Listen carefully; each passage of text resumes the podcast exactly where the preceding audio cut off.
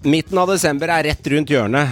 Enkelte spillere har ferie, og lederne sover det på kontoret, eller følger de pengene og lever i kulissene. Noen skal inn, andre skal ut. Og en gammel kjenning er tilbake. Og det er ett år siden sist vi snakket om å ha denne gjesten på besøk. Nå, nå er han her. Velkommen til en ny episode av Synseligaen. Dette er Stensrud.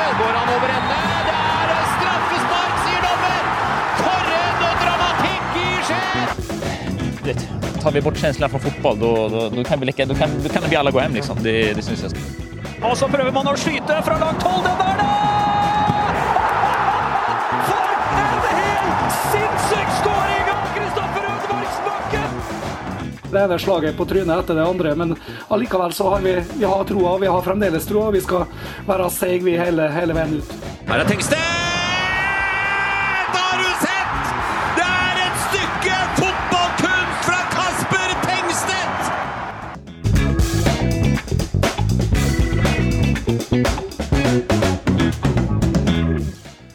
Deilig, karer. Ja, I dag finner jeg meg en liten eh, La Crusé-kopp, Håvard, og eh, dunket oppe litt eh, Twirlings after tea med litt lemon taste, og sitter klar, altså. Det har vært en, vært en travel uke som var, så jeg gledet meg fælt til episoden. Og Helgen Sysler, hva har du drevet med? Jeg skjønte ikke hva du prata om akkurat nå, men uh, Helgen Sysler, det skjønte jeg. Ah. Eh, nei da, jeg, jeg har kost meg og vært på litt julekonsert og julemarked og prøver å liksom spre litt sånn julestemning i familien. Litt snø, og snør litt her igjen. og Så begynner jeg å liksom glede meg litt til jul og ikke så lenge til ferie. og ja, Det er fint fint nå. og Så begynner det å skje litt sånn deilige sånne rykter i silly season som vi er så glad i. og Det er litt sånn bekrefta store overganger og mye som skjer. Så det er mye, fortsatt mye å glede seg over i norsk fotball. Og så er det et visst mesterskap i Qatar som jeg også følger med på, da. Det må jeg si. altså. Jeg gjør det. Mm, mm. Jeg drakk te, det var det jeg sa til deg, og forrige uke drakk jeg kaffe. Så jeg, begynt, jeg har begynt å ta én sånn kopp til hver episode, eh, sånn i vinterhalvåret nå, for får Ja. unne meg litt. Det er koselig. Det er en, en god følelse. viktig å hygge seg un underveis. Ja, Meran, er det noe Qatar på deg? Eh, Boikotter du? Er du han som skriker høyest på Twitter om hvor fælt og håpløst det er, eller tenker du fuck it, jeg skal se fotball, koste hva det koste vil? Nei, jeg er, eh, det er et fjerde alternativ. Det er de som holder helt kjeft og sitter og ser på alle kampene. Det, det, det er, jeg Å, ja. sier ingenting. En liten luring, du. En liten luring. Liten luring. Liten luring. Jeg er sikker på at de som driver opp sier at de som boikotter, de ser allikevel det. Ja. Men, eh, men det er jo klart det er, det er mye lumsk. Men jeg, jeg prøver ikke å tenke på det nå. Nå har VM starta, godt i gang. Og det er mye herlige kamper og det er mye Ja, det er som skjer og på banen. Så vi, vi, det er det vi må tenke på. eh, Og så luke vekk og alt utenom sportslig. Nå er det sport som gjelder. Og Joakim, du er, jeg har kjent deg mange mange år, med en tiårsperiode. Du er ganske prinsippfast når du først har bestemt deg for noe, så jeg er litt interessert i å høre, høre litt eh, hvor du står hen. Nei, Jeg har egentlig bestemt meg for det at eh, det er lov for fotballsupportere å si at politikk og fotball ikke er det samme. fordi det er det jo for oss som fotballsupportere. Det er bare ikke lov for Infantino å si det samme. Mm. Han, han får ikke lov til å si at politikk og fotball eh, ikke henger sammen. fordi i hans sitt eh, yrke og virke så henger det til sammen til 100 Eh, Men jeg, nei, det er klart altså når verdens beste, verdens beste land pluss Qatar møtes i et fotball-VM, så så jeg, Man må jo følge litt med. Eh, det er klart, eh, Gruppespillet gadd jeg ikke å følge med på, men nå som jeg har gått inn i sluttspillet, så har jeg blitt litt mer, litt mer gira, da. Mm. Så det skal jeg få med meg. Jeg skjønner. Eh, Kari, vi har en herlig gjest, og jeg skal introdusere en gjesten vår i dag. og... ehm, dette er en mann jeg egentlig litt på avstand syns er litt sånn eh, finurlig karakter. Fordi at eh, jeg som Rosenborg-supporter har jo hatt glede av å lytte til han i, i podkasten Ballspark i, flere år, eh, og har fulgt med på den poden. Ikke for at jeg er så hersens opptatt av Brann, men mer pga. at noen mennesker bare liker å lytte mer til enn andre, og så da ser det på som underholdning. Han er Spellemannsvinner. Han er jo alt fra teatret til kulturelle sammenhenger, og han er ihuga Brann-supporter. Kanskje Norges mest kjente Brann-supporter. Kanskje. Edvardo Hans Doddo Andersen, velkommen til eh, Synseligaen. Tusen takk for det. Veldig kjekt å være med. Veldig kjekt å vite at dere, eller noen av dere har lyttet til eh, ballspark. og veldig, det, er, er en stor ære. Tusen takk. Veldig hyggelig å ha deg med. Og eh, Håvard, du har jo vært eh, Du har en Doddo, ja, Doddo-fan, kan vi si, i lang, lang tid. Og du gleder deg faktisk fælt til den poden her.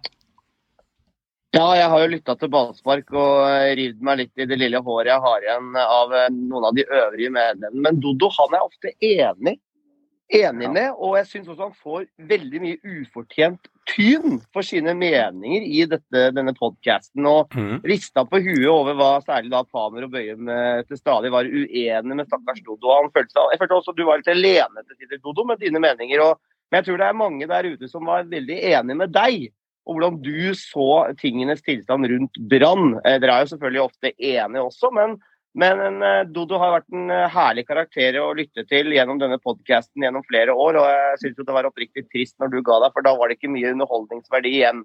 Så får vi håpe da at kanskje han Knut Høybråten kommer inn. Han er jo litt artig å høre på. Ja, nei, jeg hadde ikke lyst til å slutte. og Jeg håper jo at jeg skal komme tilbake en dag, hvis jeg får lov. Eh, Jeg synes det, altså det, det, det er liksom det to beste fra to verdener, altså podkast og Brann. Det går opp i en høyere enhet. Jeg, sant? jeg, jeg, elsker eh, altså konseptpodkast. Det er utrolig bra, eh, relativt nytt medium som, som jeg trives i. Og så er det med Brann at eh, det, er jo, eh, det er jo Om du holder med Brann eller ikke, så tror jeg man er fascinert av klubben. Fordi det, det er så mye. Det er mye. Det er mye. Men eh, snakke litt om deg òg, Dodo. Du, du er jo spellemanns... Du har faktisk, du har faktisk vunnet Spellemannsprisen. ja, eh, det hadde jeg aldri trodd, men det har jeg faktisk gjort. Og, det, og da var jeg nominert sammen med Odd Nordstoga og, og Lars Saabye Christensen og Ina Wroldsen, så jeg eh, det var, det var ikke mange som eh, satte pengene på meg, for å si det sånn. Ja, du ble sjokka sjøl. Jeg jeg, jeg, ble, så sjokket at jeg ristet. Og, eh, og idet jeg hadde fått eh, denne prisen og, og kom inn på baksiden, så eh, eh, det, det var han, han Lars Berrum som delte ut prisen. Så, så måtte jeg bare kaste meg rundt uh, halsen på han og gråte mine modige tårer. Ja, Du, du har ikke tilfeldigvis den videoen der, så kan vi legge ut den på Twitter når vi presenterer deg som gjest. Det hadde vært utrolig morsomt. Jeg har dessverre ikke en video av det som skjedde backstage. Eh, Men eh, han, han Bærum han er jo egentlig sykepleier. Det. Han er en veldig, eh, veldig empatisk mann. da. Og veldig kraftig. For da jeg liksom holdt rundt ham, så kjente jeg hvor svær han var. Mm. Han er, han er, jeg tror han er norgesmester i karate eller et eller er annet. såpass? Ja. Mm. Du er jo en mann av mange talenter, du, Dodo. Det, det er sikkert og visst. Jeg har alltid liksom tenkt på deg, Dodo, når jeg har hørt på deg, og når du skildrer ting og prater om ting og sånn, at du, du har litt sånne egenskaper som ikke bare er sånne overflateegenskaper, men du har litt egenskaper som stikker kanskje noen eh, på litt andre fasetter enn bare i overflaten, hvis jeg har tolket det riktig? Ja, altså jeg føler jo ikke det er sånn at uh,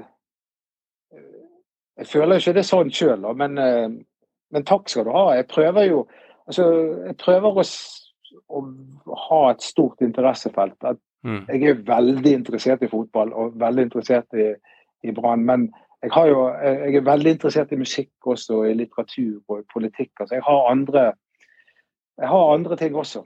Mm. Mm. Kan jeg bare spørre, Dode, av ren nysgjerrighet, for jeg har ikke på en måte visst den historien, men hvordan ble du egentlig byråd? Ble du bare liksom ringt opp uh, av, av noen? Eller hvordan fungerte det der?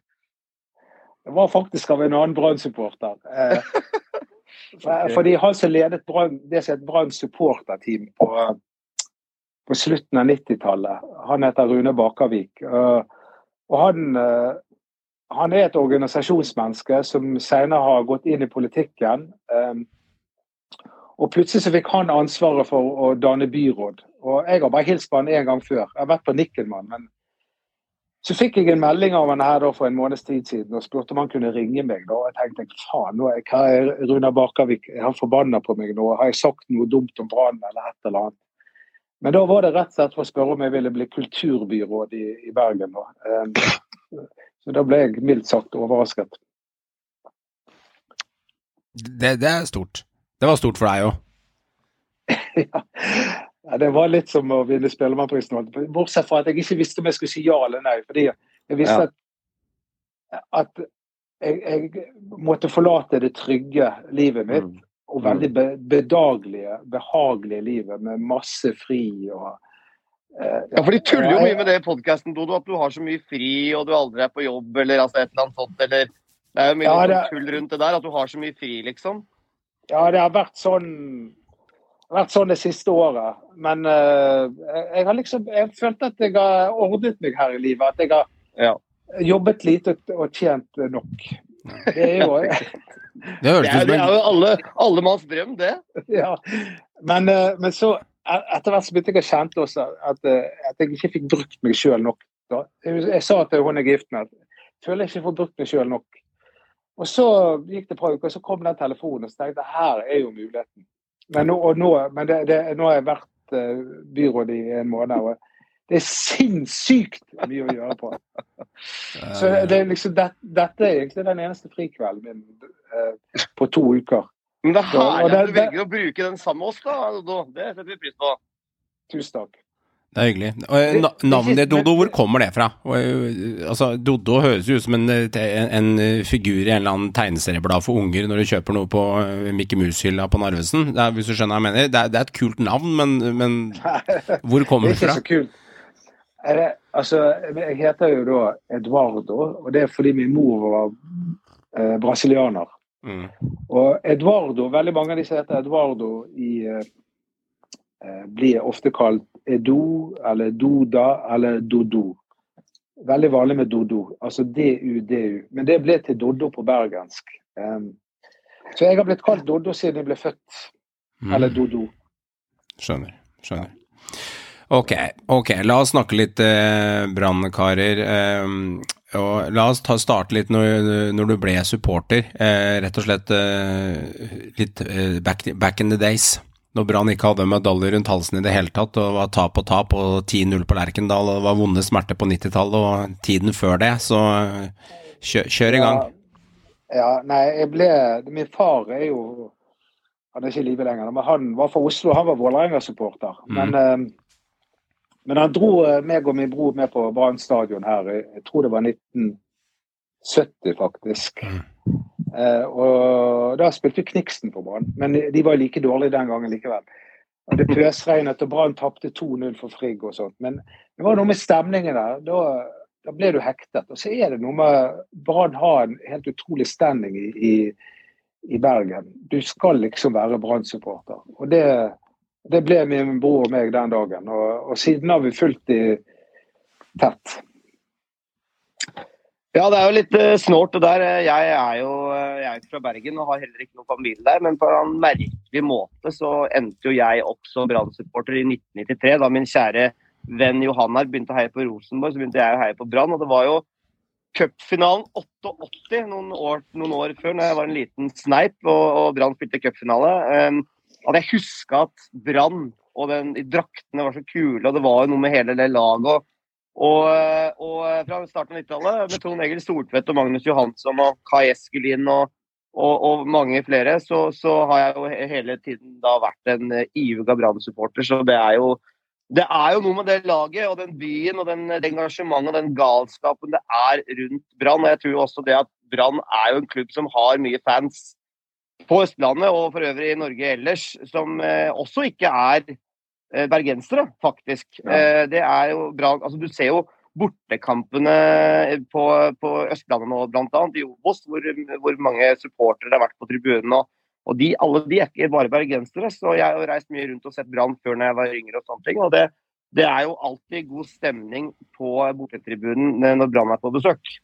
Ja, det, det, det er et publikumslag og med gode supportere. Og det, og det er aldri kjedelig. Apropos 1988, jeg ser du har skjegg. eh, Så, så var jo det en greie i 1988 at Brann-spillerne bestemte seg ganske tidlig i cupen for at eh, de ikke skulle barbere seg før de var slått ut av cupen. Og da kom jo de helt til finalen, og det ble jo til og med eh, omkamp. Så den ble spilt to ganger. Og da, hvis du ser på lagbildet av Brann i 1988, så har alle skjegg, bortsett fra et par unge spillere som, som sleit med hårveksten i ansiktet. Var det ikke Neil McLeod som skårte da? Nei, det var i 1982. Ok. Da, eh, da, da, da, vant de, da vant de, men i 1988 så endte det til slutt med tap på Rosenborg. Da var jo en liten sneip, men det var jo først starten av 90-tallet med Trond Egil Soltvedt og den biten at jeg virkelig liksom begynte å bli ordentlig gira. og det var, Jeg husker jo alle, jeg husker godt den eh, måten han forsvant fra klubben på, for det var jo litt spesielt, Dodo, når han, eh, når han dro fra Bergen og Brann. Ja, det, da var det, det det berømte demonstrasjonstoget som gikk fra byen opp til Brann stadion. Det er vel en seks kilometer. Uh, da, ja, og det er jo ingen som vet egentlig hva som skjedde den Nei, gangen. Hvorfor, Det er rart, det der. Ja. Det går jo et rykte, da, uh, som alle tror på. Ok. Og det er at Jeg kan vel si det til dere, men det er bare trygt der. Hvis, hvis, jeg får ikke håpe at jeg får noe. Men eh, altså at Frank Strandli, Inge Ludvigsen, eh, Klaus Luddekvam og Trond Soltvedt de veddet om hvem som skulle klare å eh, eh, komme til sengs med treneren sin kone. Og det var Halvard Thoresen? Det var Halvard Thoresen som var treneren. Og, Ja, det er så episk! Nå koser mer han og, seg. og, og, og Trond Egil Soltvedt vant. Han vant det. Det er jo ikke rart. Du så, så, du så du krøllene hans, eller? Altså, altså Altså, han, han var hunk på den tida. Ja. starten av 90-tallet, Trond Egil Soltvedt. Den manken har gitt. Hæ? ja, ja. Hadde litt sånn blanding av 90-talls eh, 90-talls nymotens og hockey 80-tallet. Han hadde liksom Han komboen. han, ja. han hadde den i RBK-tida òg. Han beholdt den hockeyen der. Ja, han var god. Altså, ikke bare det med Trond Egil Sortvedt. Han var jo som jeg ikke, han var en veldig veldig slu, eh, eh, ganske god eh, angrepsspiller, spiss på Brann. Men når han kom til Rosenborg, ble han gjort om til en dirigent på midtbanen. Han, han, var, han var fotballsmart, altså. Men han, eh, han var jo Husk at han opprinnelig var, spilte for Viking og ble cupmester for Viking. Mm. Og Da tror jeg også han var midtbanespiller. Men uh, det, det skulle bare avslutte historien med at alle de fire ble degra eller de tre andre ble degradert. Måtte spille på U-laget. Mens eh, Soltvedt da fikk sparken. Men dette er bare et rykte. Men, Men- Bergen, Men Dodo, men, men Dodo, tror du alle får men alle i Bergen tror på dette ryktet. Ja, ja, men alle, det er jo ikke, det er jo ikke noe Det er jo ikke unikt, det her, da. Eller var det liksom Var det bare om å gjøre å få liksom kona til treneren til å være utro? Eller var det sånn at kanskje digg, treneren ville sitte og se på? Eller Altså, du veit jo aldri. Tenker jeg. Man kan spinne videre på det ryktet. Ingen som vet. Altså, så, eh, altså, det var en utpreget festkultur også den gangen. Ja, ja. Så, glade 90-tall! ja, så, så det det, mest sannsynlig så, så var det nok at de dro han litt for langt på fest. Du Han godeste, han godeste Halvard han ble jo nesten kjeppjaga ut av byen verre enn Lars Arne Nilsen. Så jeg Ja, husker jo det. han, han var jo han var jo sånn, han brakte med seg en sånn tysk kultur. eh, Skulle gå i dress og fjernet colaautomaten uh, på innsiden. Altså, Han skulle være sånn streng. Det, det funket ikke i Bergen. Nei, da fant de ut at de skulle forsynes av kona hans. Det var mye smartere med han. han. Det er mye som ikke funker i Bergen. Det, det skal sies. Ja, Ja, Ja, vet du hva, jeg, jeg, jeg så på det spørsmålet dere hadde stilt, liksom, hvorfor det ikke funker i Bergen. Og det er, jo, altså, det er veldig lite som funker i Bergen, for alle skal ha sin mening om det, og alle skal krangle og sånn. Men, og, det, og det er egentlig et eh, sånn narrativ som jeg sjøl alltid har tenkt. Så jeg har av og til tenkt på at av og til så handler det litt om flaks og uflaks også. Om, Ja, ja, ja. og det å ansette den rette treneren.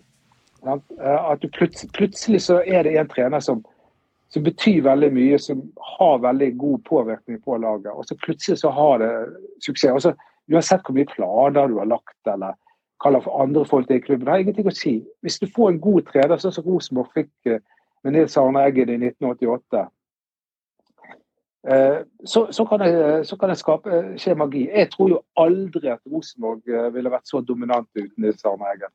Nei, det, det, det, er, det er de fleste enige med deg. Ingen som tror noe annet heller. Han holdt jo på å fyke flere ganger, han òg. Ja, ja, det var- veldig krevende. Ja. Det var sikkert noen som forsynte seg av kona hans der oppe også den gangen. Så da, men de, de, de sparte det, for han tok et eh, seriegull, så da lot han, lot han være i versus Thoresen. Så, eh, men eh, ganske syk story. Det er, eh, det er det, Ja, det, men de som satt i styret den gangen jeg, jeg har jo prøvd å fritte ut av de hva skjedde egentlig. da, Men de, de holder pottetett, og det er helt utrolig. For i Bergen så sladrer Før eller siden så sladrer alle. Før eller siden så får du vite hva som skjedde. Nachspielet, eksempel, hvis vi skal komme inn på det senere, så tar den senere, vi.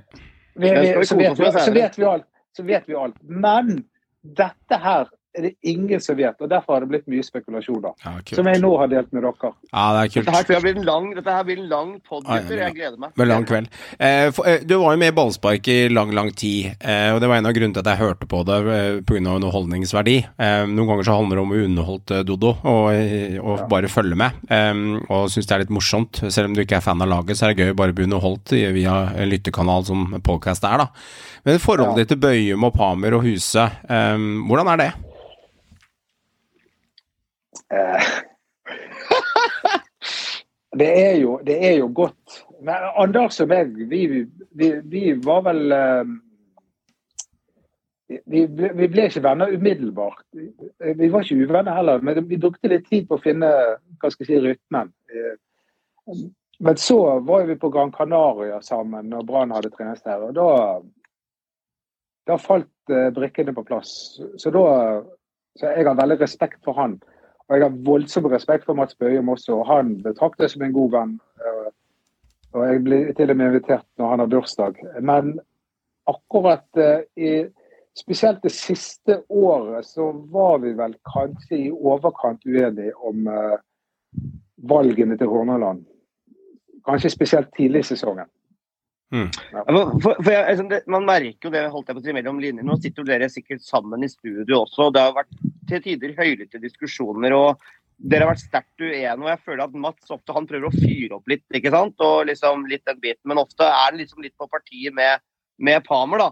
Eh, Dette er jo sikkert mange som ikke hører på ballspark, men altså, for, å forklare litt, så følte jeg ofte det ble litt sånn to mot én i det studioet der. Og, og eh, Det kan også nesten virke litt sånn bevisst for å fyre opp deg litt. Eh, Noen ganger virka det sånn, nesten litt sånn Nå skal vi fyre opp Dodo litt, nå skal vi være uenige for å være uenige. Nei, nei, det var det, Nei, jeg tror det var fordi alle Og det var jo derfor det funket. Og jeg tror fordi det var ektfullt for alle Mm. i studio der. Men det, det er spesielt én episode etter første serierunde i, i år, når de spilte mot Ranheim. Og, og Brann hadde endelig fått et godt resultat. Det var utrolig lenge siden. Eh, så ble det en, så ble det en, en krangling som fortsatte etter at vi hadde vært i studio. Mm. Eh, og den fortsatte utover kvelden på Twitter og på te eh, tekstmeldinger. Og, Mm. og vi, var, vi var skikkelig sinna på hverandre. Det var spesielt Anders og meg. Så da Jeg husker den podkasten. Jeg husker det. Ja. Det var jo mye, mye kok på ballsparksiden også på Facebook. Ja, altså Jeg var så sint at jeg, jeg skalv. Jeg var klar for å slutte. Eh, Men så ble, røykte vi fredspipe sammen, holdt på å si. Og da så fant vi ut av det. da. Men vi, vi har jo vært litt, vi har jo vært litt uenige, da. fordi at altså de er veldig opp, Jeg forstår deres synspunkt. Veldig opptatt av at barn skal utvikle unge spillere og talenter, og at de skal få spille. Nå er det spesielt snakk om han spilleren som heter Niklas eh, eh, Vassberg Jensen, eh, eller Jensen Vassberg. Men mens jeg mente jo da at jeg forsto valgene til Horneland fordi at Brann hadde vært nede i så dyp bølgedal at når de endelig hadde vunnet det De vant to treningskamper etter at de hadde tapt i cupen mot KFUM Oslo. Og det kom på toppen av, en elendig sesong. Så, klarte de omsider å vinne to treningskamper. Og da forsto jeg det der med at, at han ville beholde på den midtbanetreeren som hadde øh, eller, eller ville beholde det laget som hadde vunnet de to treningskampene. Og så kunne heller Vassberg og, og, og David Wolfe de bli faset inn etter hvert.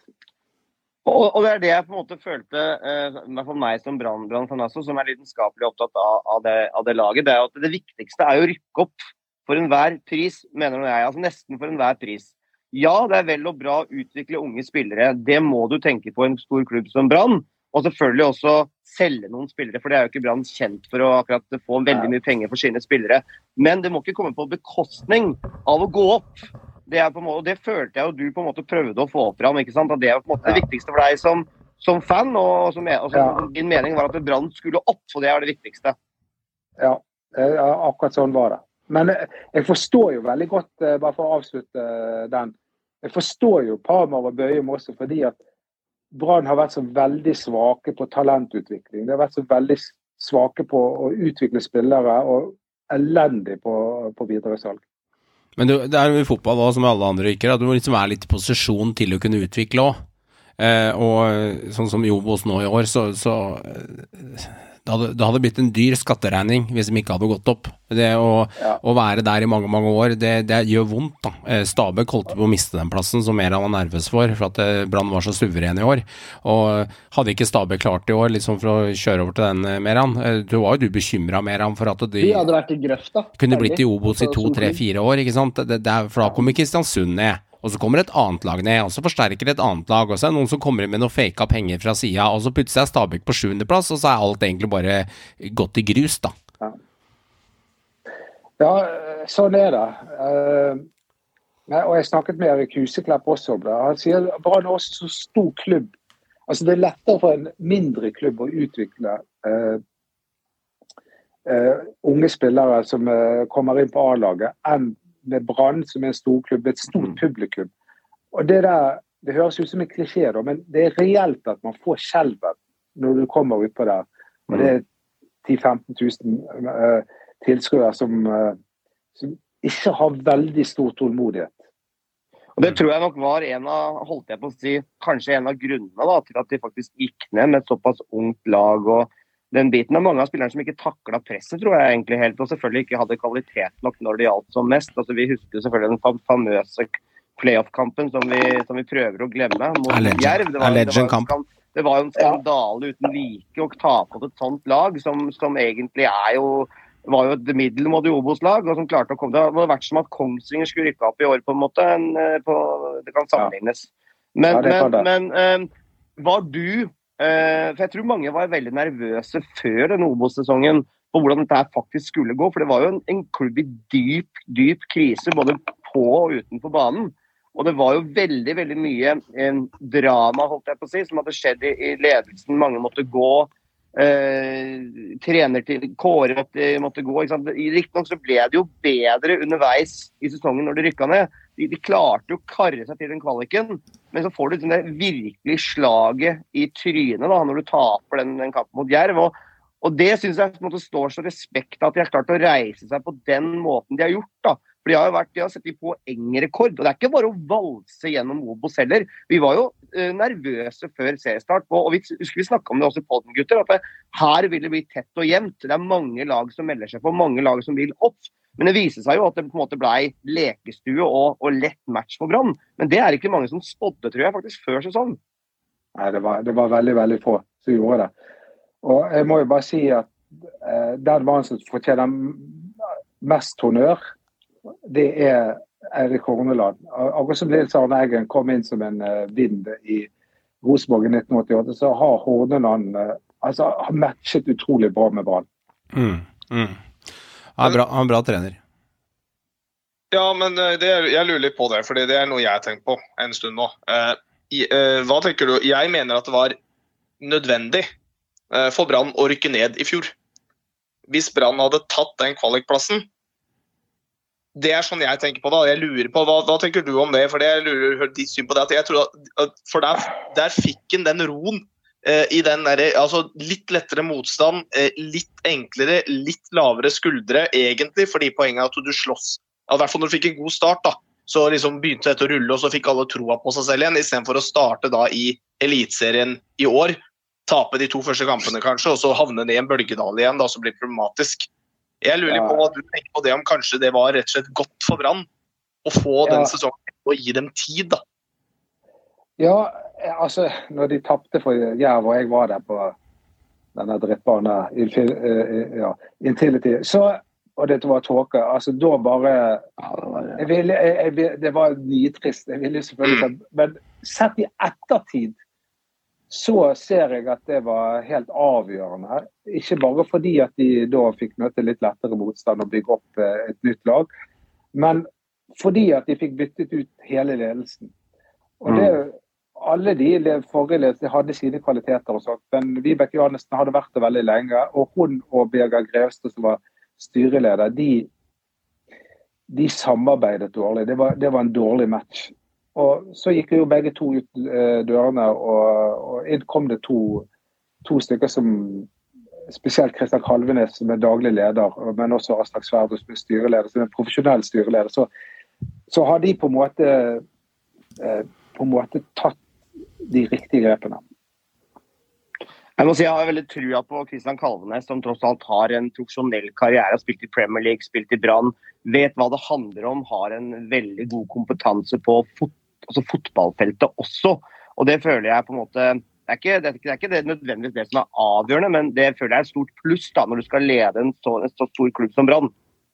Ja, da er en utrolig fin fyr. Eh, og, og med helt annen, altså Brann, spesielt under Lars Arne Nilsen, og det, det mener jeg er hovedårsaken til at det gikk litt dårlig med Brann etter hvert. Fordi at Brann ble en trenerstyrt klubb med Lars Arne Nilsen, og Lars Arne Nilsen hatet media. Eh, og Det ble en veldig lukket klubb, um, og han spilte jo veldig så kynisk fotball som passer dårlig for bergensere. Så det kom inn i en sånn negativ spiral. da. Mens Kristian Kalvenes uh, har på en måte åpnet opp. Jeg skal, jeg skal innrømme at eh, jeg, jeg, tviholdt lenge på LAN. for jeg synes at han hadde, han, hadde, han, hadde, han hadde tatt de til opprykk. De tok sølv når de rykka opp. Uh, og, og, og jeg, jeg, tror jo helt ærlig talt, uh, Dodo, at uh, Brann hadde ikke rykka ned med LAN som trener. Men Nei. sånn sett i ettertid nå, og det var jo mageplask med Kåre, det var jo fullstendig krise. måten han leda det laget på, det, dessverre. Det var jo, det var jo, det var jo sjanseløst. Rett og slett, ja. Det så jo helt, helt talentløst ut, rett og slett. Ja. Måten de, de fremsto på. Det var vel ti strake kamper uten seier, eller hva det var for noe. han fikk jo sitte kanskje tålelig lenge også, Kåre. Eh, for eh, Horneland klarte jo ikke å, ikke å, redde det, og han ville jo egentlig ikke ta over heller. Det var en liksom merkelig situasjon, og så ble han jo overbevist. da. Men sånn i ettertid nå, så tenker jeg også at det var bra at Brann faktisk rykka ned og på en måte bygge seg opp. Og nå tror jeg de står veldig rusta på mange måter da, til å takle eliteseriespill. Er, det, er det ikke lett å si nå i etterkant, når man sitter og ser man så var suveren? Ja, Det er lett å være etterpåklok, for nå er jo resultatet at det ble god kaffe, og at man tok poengrekord. og er liksom yes, god Det er håp og glede for 2023-sesongen, så vi skal snakke mer om etterpå, hvilke muligheter Brann har, Dodo, i 2023. Ja. Jeg er litt nysgjerrig på dette med Kåre, fordi han uttalte seg i Rotsekkpodden for noen dager siden at det var veldig lukka miljø i Bergen. Det er vanskelig å få mye, mye innspill innenfra. Eh, Koteng og Rosenborg fjerna jo Kåre til dramaskrik, for de mente at Kåre hadde tatt ut potensialet sitt som Rosenborg-trener. Eh, mulig Koteng hadde rett når man ser det i etterkant. Eh, han mislykkes i Bergen. Han mislykkes i Ostende. Han mislykkes i Apoel. Han lyktes i Rosenborg. Han var heller ikke spesielt god i Bodø-Glimt når de rykka ned den gangen. Så han har jo fire-fem trenerjobber der hvor én er med knallsuksess. Han har jo like mange medaljer, eller han er nummer to på adelskalenderen etter Nils Arne Eggen med mest medaljer i Norge. Har åtte titler, så der gjorde han reit bord for Rosenborg. Men det ser jo ut eh, Dodo, som at eh, ledelsen i Rosenborg, selv om de fjerna ham på en merkelig måte og måtte betale store penger for dette her Det kosta jo en leilighet på Aker Brygge dette her, og en ganger to, eh, den det ja. du måtte gi FI. Men argumentet til Rosenborg, uavhengig av hva det kostet, det står i seg sterkt i dag. fordi at han hadde jo tatt ut potensialet sitt. Ja, altså Veldig trivelig kar. Sto for offensiv, gøy fotball. Var, var veldig åpen mot pressen. Det var mye, mye positivt å si om Kåre, men uh, Brann var ikke gode nok til å spille den fotballen han, han ville uh, spille. Og mm. Da ble de lett match. Og, så det, så, uh, og så var jo spillelogistikken helt krise, da. Det si. Ja, det var det. Og, og det var jo altså Spillerne sjøl sa jo før sesongen begynte, til oss dette går ikke. Oi, såpass. De så det sjøl. Litt sånn Rikard Norling 2-0, det der, rett og slett. Ja, ja, men han satset jo på spillere som, og, som Altså, jeg mener en treners fremste egenskap, det er jo å, eh, å se hvem som er de beste spillerne. Uh, og det er ikke alltid like lett på et treningsfelt før sesongen osv. Fordi de fleste spillerne har ofte mange like kvaliteter. Men det er jo den, den, beste spilleren gjør ofte de riktigste valgene. Og, og der var, akkurat der mener jeg at Kåre mislyktes. Han, han, klarte ikke å spotte hvem som var de beste spillerne. Eh, verken uh, av de han hadde tilgjengelig, eller de han skulle signere. Sånn at vi endte opp med uh, Philip de la Veris og, og, Simba og den type spillere som er talentfulle nok, men var åpenbart ikke gode nok. Og vi juksa ned. Det er et prakteksempel, tenker jeg. Ja. ja. Hmm. ja, takk, ja. Og Lars Christian Krogh Gerson, eh, selv om han for øvrig har vært OK for Kongsvinger i Obos, men det er et annet nivå. Ja. Det er et annet nivå. Hei, du hører på Synseligaen av fans for fans. Mitt navn er Yao Mankwa, og hvis du lurer på hva som foregår i klubbene, tabbene, målene, og ikke minst har lyst til å høre fra profilene i Eliteserien, så er dette podkasten for deg.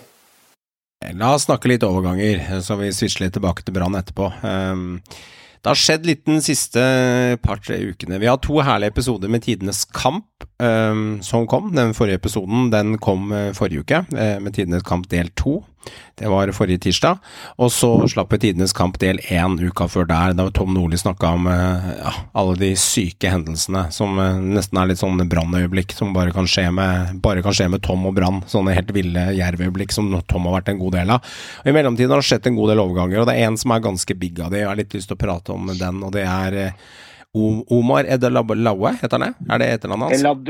El Abdullaye. Ok, Omar. Han har gått til Glimt, og det sies jo at han sa nei til, til ja, 40 millioner i sign-on-fee fra USA. Jeg vet ikke hvor mye løgn eller fanteri det er i det. Høres ut som en eventyrhistorie på hytta med unga.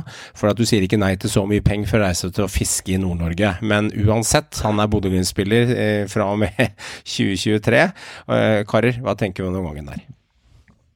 Nei, altså, jeg tenker jo først og fremst at um, Omar var jo uh, nylig i landslagstroppen. Uh, vel å merke som klubbløs spiller. Uh, har spilt 49 landskamper, vært kaptein for Norge. Levert veldig bra, for, spesielt Olympiakos og også Galatasaray før den øyeskaden. Men det sies jo også i landslagsmiljøet at han viste veldig, at han var i god form, rett og slett. Holdt seg veldig shape og, og bra er 30 år gammel, er, er overhodet ikke ferdig som fotballspiller. Jeg, jeg, tror at dette er en god signering for Glimt. Jeg tror det er et step opp fra Alfons Samsted. Uh, jeg tror han er, han er, dyr, ja. Men han går, han går jo gratis vederlagsfritt, men, men, dyr lønn. Men dette er jo Glimt eh, blitt kjent for nå, for å betale gode penger for spillerne de, de henter. Og jeg er sikker på at Omar El Abdullahi, som er revansjesugen, kommer til å styrke det Bodø-Glimt-laget. For jeg er 100 sikker på at han blir blant de bedre høyrebekkene i, i, ligaen sesongen som kommer. Så den, den, tror jeg er en bra signering for, for Bodø-Glimt. Altså. altså. om no, en av de bedre altså Han er jo eh, etter all sannsynlighet den beste høyrebekken i ja, ligaen. Så enkelt er det bare. Han bør og han er ikke en, som du er inne på, det, alder, han er ikke i noe alder som gjør at han er ikke, En ting er ferdig, men det tror jeg også er grunnen til at han eventuelt da sier nei til en han er sulten, tror jeg. på 40 mil. fordi Poenget er at når du drar til USA, da forsvinner du av uh, hele landslagsblokka. Da er det ingen som følger med på deg lenger, og da blir du borte. Du har jo folk som herjer i USA som ikke engang er, nevnes i en landslagssamling, som for så vidt virker litt rart iblant. men det er jo nok hovedårsaken til at han ønsker å spille da i Europa. Og så er jo da altså Glimt nå er jo et ganske trygt og godt valg for han hvis han skal ha et, en, en, klubb hvor han veit han kommer til å få mye spilletid, for det kommer han til å få. De henter ikke han for at han skal sitte på benk. Han kommer til å gå rett inn i laget, og han kommer til å spille der fast så mye han kan. Uh, og da er han i alle landslagsdiskusjoner. Uh, han er med på det nå, og han kan vise seg fram. Og så er han ung nok til å få en runde til i en eller annen klubb i utlandet også. Det kan godt hende ønsker det hvis han nå har en god eller to gode sesonger for Glimt. Og han tjener jo godt nok i Glimt, altså det ja, sier jo seg selv. Ja, ja, ja. Kan å hente han ved å gi en, en mill i året. Altså Det sier jo seg selv, det er ikke sånn det funker. Uh, så det, det, er en kjempesignering, uh, mener jeg. Altså det er, det, du kan jo ikke få en bedre uh, back. gratis ikke på, ikke på norsk nivå. Men i Norge så kan du ikke få en bedre back, i min mening. Nei, men Det er jeg enig i. Det, det jeg liker her, som jeg håper nå er en trend, og at uh, Omar blir en trendsetter. Spesielt med tanke på at han spilte jo under det forrige regimet med, med Lars og Paddy, hvor den ble hjernevaska til å tenke at Eliteserien er ræva. Men her ser vi da en spiller som da kommer tilbake i en alder av 30 og ikke 33-34. Og det håper jeg blir en trend. Uh, det håper jeg er et eksempel til etterfølge. Han kommer hjem, i en alder av 30. Han skal spille Europa med Glimt, og han skal fortsatt uh, spille toppfotball på det høyeste nivået. Uh, og det berømmer jeg. Jeg berømmer spillere, og nordmenn spesielt, som kommer hjem før middagshøyden har bikka over, da. Doddo, jeg er litt spent på hva du mener her, for eh, jeg er litt delt selv. Eh, Du kan ta ordet etter meg på den, fordi um, Bodø-Glimt jo skryte veldig av at de, de henta Sturla Høgseth for vekslepenger, og så solgte de inn for dyre penger, og Bodø-Glimt-modellen er til etterfølge, så de veit hva de driver med. Vips, så hopper vi over alt det som heter Sturla Høgseth og Vetle Andresen, og spillere som ingen har hørt om, og så kjører vi på en så å si en landslagsspiller som har spilt noe begrensa fotball de siste ett til to årene, og har fem millioner i årslønn og sign-on-fee på åtte-ti millioner kroner. Ja, han er gratis, men han koster flesk. Han koster julesvor å få inn i stallen. Eh, og så har vi hoppet over det, og så har vi sett Rosenborg. Vi har sett Stabæk. Vi har sett Brann. Storklubbene bruker for mye penger tidligere. Ja, Bodø-Glimt har de pengene. Er det risky, eller er det riktig linje å legge seg på i den posisjonen de har kommet nå? Altså, jeg, jeg synes at de er, de er helt på grensen på, med å fjerne seg fra ideen til, eh, som, som de bygget det opp på. Mm. For nå, nå, har det, nå begynner det å ligne et kjøpelag, da. Um, med de utfordringene det gir, kanskje på treningsfeltet, lagånden, eh, jeg vet ikke. Men, eh, men det er jo klart at de sikter jo høyt, da. De vil jo ut i Europa og gjøre seg bemerket. Um, jeg er, men jeg er litt usikker på om de har svidd av litt for mye penger nå på enkelte spillere. Sånn som når de hentet tilbake Patrick Berger, så var det 45 millioner kroner. eller. Det snakkes om 40-45 millioner, ja. Ja, det, det er sinnssykt mye penger i norsk fotball. Og de hentet han relativt middelmådige spissen Salvesen for 10 millioner kroner. Så, Og Grønbæk og, og Grønbæk for, for 30. ja, men det, ja, det er også en sinnssyk sum. Men akkurat han er jo ung. Han kan jo virkelig ta det neste steget. Så eh, Nei, jeg vet ikke. Eh, Det, jeg syns de, de er på grensen. Og det, det kan fort eh, rakne her. Det, det som jeg tror selvfølgelig er, eh, er ankepunktet, det er jo nettopp det med de høye lønningene og den biten. Og hvis du ikke får suksess, og du ikke kommer til Europa, og da er du jo virkelig avhengig eh, av å selge spillere. Eh, det har de jo vist de siste årene at de har klart å gjøre, men når det kanskje stopper opp, når de har solgt unna da, disse stjernene, ikke sant, og de, de sitter kanskje igjen med et litt mer aldrende lag uten de store eh, unge profilene. Eh, For det, du må jo gjøre en jobb for å få fram unge profiler. Du har jo selvfølgelig nå mye prospekter i, i Bodø som Vetlesen, Mvuka. Det er, det er flere veldig unge spennende, ikke minst Grønbekk, som vi nevnte, som er henta inn for dyr sum, ja, men som kan potensielt gå for dobbelt så mye og kanskje mer. Så det er jo, De har jo vist at de klarer dette her, Glimt, men det er ikke noe tvil om at det er et høyt spill. De, de gambler jo på en måte her nå, med, med tanke på hvor mye penger de bruker. Og nå tok de sølv. De skal ikke ut i Champions League, de skal ut i, i De er videre i Conference League, men kvaliken blir sannsynligvis da, hvis ikke Norge tar byks på ranking, så er det Conference League kvalik de skal ut i. Og ja, det er store penger der, og de kommer sikkert til å selge noen spillere på veien, men jeg syns jo det er jo et sjansespill sånn økonomisk, da. Det er det. Men nå var, innom, nå var vi innom Omar, da, og akkurat det er liksom det jeg mener at Han ja. ser jeg ikke på som et sjansespill, men jeg er jo enig i at totalen, hvis du Ja. ser ligger det siste halve, det siste tre kvart året, det er jeg helt enig med at det er, det er, det er et risikospill, og det begynner å ligne gambling. Eh, totalsummen nå begynner å ligne litt, og gamble litt med den økonomien du har klart å bygge opp. Men akkurat uh, Omar inn i den rollen hvor Glimt har, no, ha, ha treng, de trenger en inn, Ja, de trenger det. Uh, så er det ikke noe tvil om at det er, at det er en god signering. Uh, det er det ikke noe tvil om i mitt hode. Men så har du i tillegg hva heter han Vingen som også kom for en ti millioner? Sugel. Sugel. Vi snakket én kamp fra start og fem innhopp i fjor. Ja, det er fra Ja, ja, men, ja, men, men hør nå, hør nå. Sånn Ja, ja, men hør nå, hør nå, hør nå. hør nå. Dette her kan ses på mange måter. Eh, han skal fases inn. Grønbæk skal fases inn. Berg skal bare brillere briljere på midten, og så skal han selges for 80 millioner. Og så skal eh, Oma lykkes med den lønna.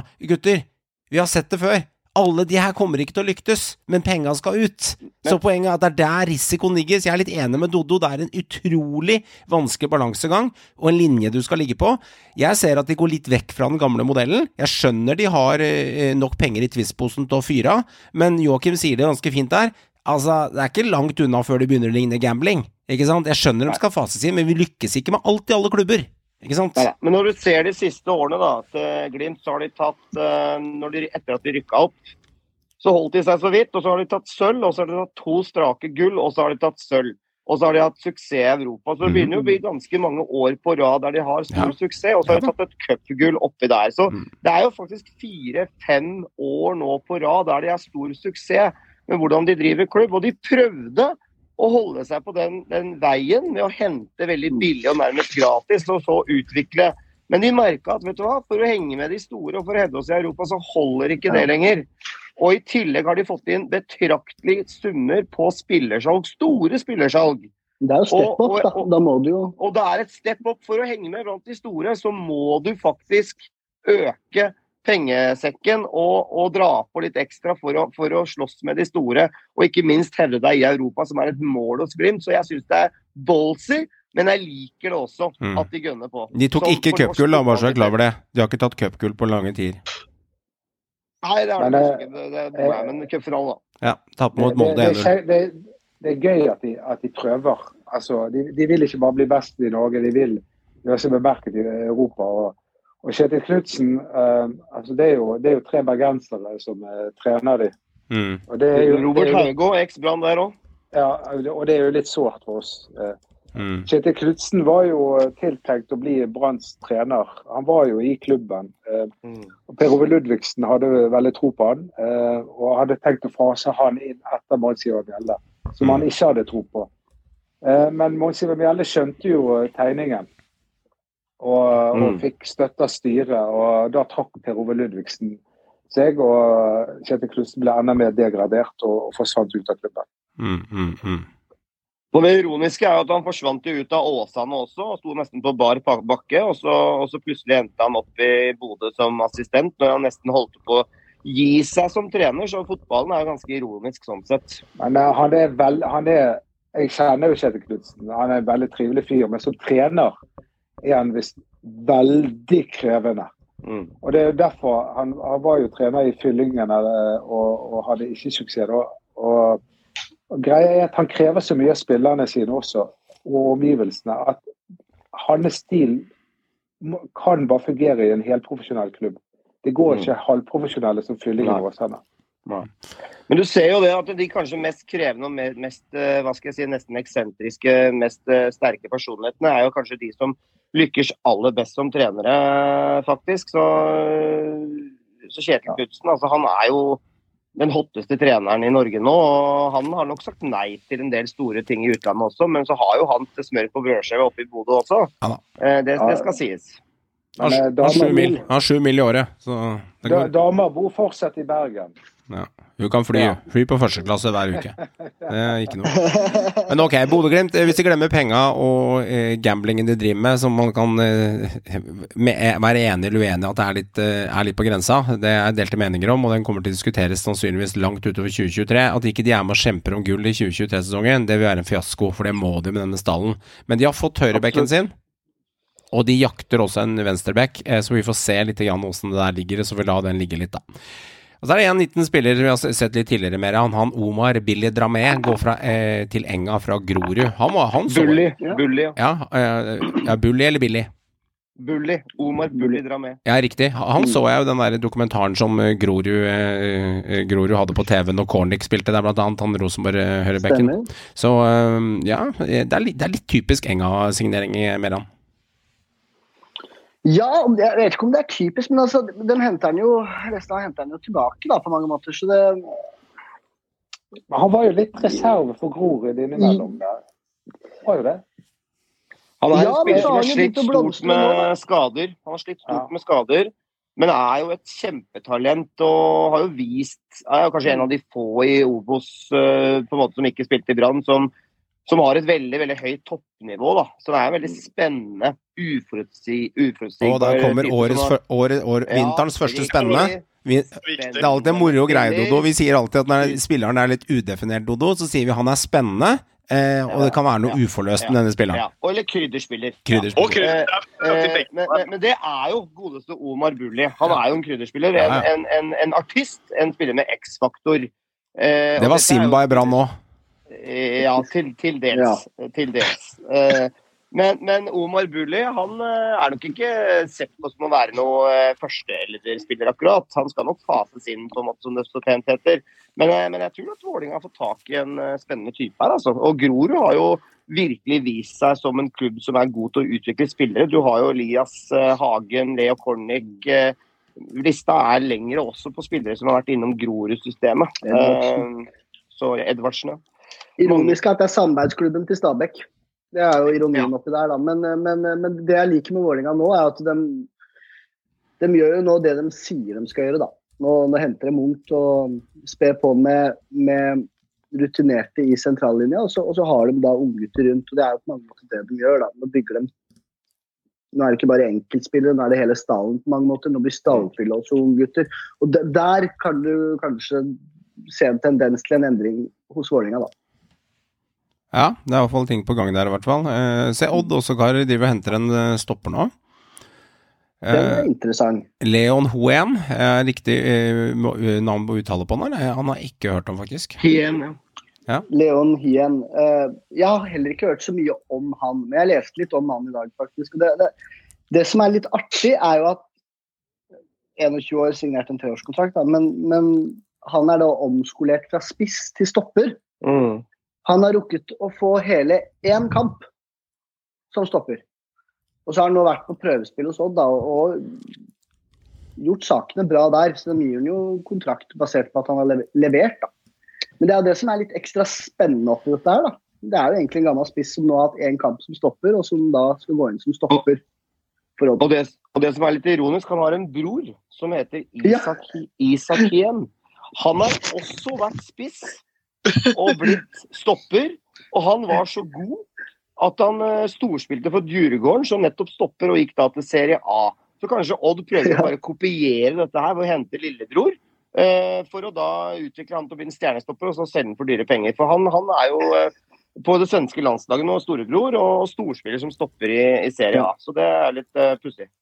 Men da, da skal de jobbe med å utvikle nå, da, sånn som det ser ut nå hittil. For han har jo ikke oppnådd en damn sheet som 21-åring. Altså, han har jo så vidt fått spille i Sverige. Han har spilt på ungdomslag og så vidt vært innom en stall. Så dette er jo klart Dette er jo, dette er jo godt for å, bruke, men altså, for å bruke, bruke sånt ord igjen, så er det et ubeskrevet blad, kan vi si. Altså, det, det kan gå begge veier, dette her. En spiller som eh, Dodo, som har eh, sagt nei, ha det til norsk fotball faktisk nå, er jo Gilly Rolandsson. Eh, Han hadde jo en periode i Brann ja, Han har gitt seg i Odd nå. Um, han hadde jo en periode i Brann som var ganske bra òg. Han var en ganske allsidig spiller. Veldig allsidig, men også veldig ordinær. Mm. Ikke noe høyt toppnivå. Men han, han bunnivået var jo Altså, han, han var veldig stabil, men jeg, jeg vet ikke. Det, det er ikke spilleren til en toppklubb. Enig. Men det har han kanskje vist i Odd også, med at han ikke har klart å spille seg inn til fast plass på laget. Han hadde en god fot, Gille, syns jeg. Jobba var liksom aldri veldig svak, men hadde ikke noe sånn ekstremt høyt toppnivå, akkurat. Mm, mm. En annen som har bra toppnivå, er Matthew i Lillestrøm. Og her snakkes det om at han også er ferdig. Eh, kontrakten hans går ut, og han eh, sikter seg vel inn på å få en proffkontrakt i utlandet òg. Ja, han linkes vekk, og det har jo skjedd flere ganger før at eh, godeste Matthew har blitt linka til eh, utlandet, og så har han stadig vekk endt opp i nettopp Lillestrøm eh, år etter år etter år. Men, eh, men det er jo eh, en spiller som flere i LSK som linkes bort. Du har jo Tom Petterson som allerede er ferdig. Og LSK har jo henta en erstatter. Det er Martin Ove Roseth fra Sogndal, som da var vært i Molde og kom til kort der. Tatt veien via Saftbygda og nå er klar for eliteseriespill. Eh, Colin Røsler ryktes på vei bort også. Så, eh, så LSK er jo på stoppejakt, og du har jo Hassan Kuruchai som, som også er inne i loopen der. Så det skjer mye på, på Åråsen. Og Martin Ove Roseth, ja. Eh, han, eh, har vi troa på han? Altså, jeg kjenner lite til han. Har, har du lest noen stats om hvordan han har gjort det siste, siste årene? Han har i hvert fall storspilt på Sogndal. eh, På et eh, relativt middelmådig Sogndal-lag, må det være lov å si. Jeg trodde kanskje at Sogndal skulle blande seg litt opp i, i opprykkskampen, men uh, Tore André Flo uh, fikk det ikke til helt i sin første sesong, rett og han. slett. Han skal bygge, men det var mange som forventa kanskje at han skulle på en måte klare det litt sånn mer. eh, på, på første forsøk. Og noen av de islendingene han henta, har jo levert uh, ganske bra. Annet han som de henta fra Godset og et par til. Um, han som var litt godseflopp, Joakim. Inge- Ingemundarsson og et par andre der har vært OK. Og så Roseth har vært solid, men på et relativt svakt Sogndal-lag. Mm, det er sant. Ok, og så er Rosenborg ute og henter Ulrik Yttergård Jensen, i hvert fall et meget kjent eh, Tromsø-navn. Um, Virka som en veldig fin fyr på intervjuene. Han spilte i Nordsjælland og har annet vært i Nederland også i en periode. Um, mangler litt fart, eh, er det jeg har lest meg opp på han. Um, men god overblikk på spillet og en god fot, og er venstrefota. Og det har Rosenborg søkt etter uh, i bak i rekken der, så er litt spent på han, uh, lite grann. Men eh, det er jo dette med den mest undervurderte egenskapen, da, eh, igjen, som stopper fart, som er så avgjørende. Som det er mangel på av norske stoppere. Tenk, tenk på det, karer. Hvor mange spillere er det som har enormt fart som stopper? Jeg har en, Ok. Og han er ferdig i Brann nå, veldig trolig. Ole Martin Kolskogen. Ja. Han uh, har vel på mange måter fått beskjed om at han ikke blir satsa på, og er vel på vei uh, bort. Jeg vet ikke om du har noen news der, Doddo, men det ser ut som uh, godeste Kolskogen er litt bak i køen hos Horneland. Ja, det har vært. Eh, Horneland har vel ikke hatt så veldig sans for han. Og etter hvert som de, de, når de prøvde å identifisere eh, alle baklengsmålene som kom i nedrykkssesongen, da, så var det mange av de som falt på Kolskogen og veldig mange av de som falt på Blomberg. Men eh, Blomberg ble jo omskolert, eh, også etter eget ønske. Og, og, og fikk eh, en ny vår som høyrekant. Men eh, Kolskogen valgte jo da å gå til eh, en klubb som eh, som eh, Han fikk mye spilletid, da, men når, når, hvis, når du spiller for en, en klubb som bare taper og taper, så kommer ikke du godt ut av det, uansett hvordan du vrenger og vrir på det. Det, det var det som som er greia, at Han har jo fart, det er kanskje, men det er kanskje nesten holdt jeg på å si, som rein stopper den eneste gode egenskapen han har, for å være litt slem. Mm. Fordi Han har jo ikke storspilt for Jerv heller, og han har også mista plassen på laget.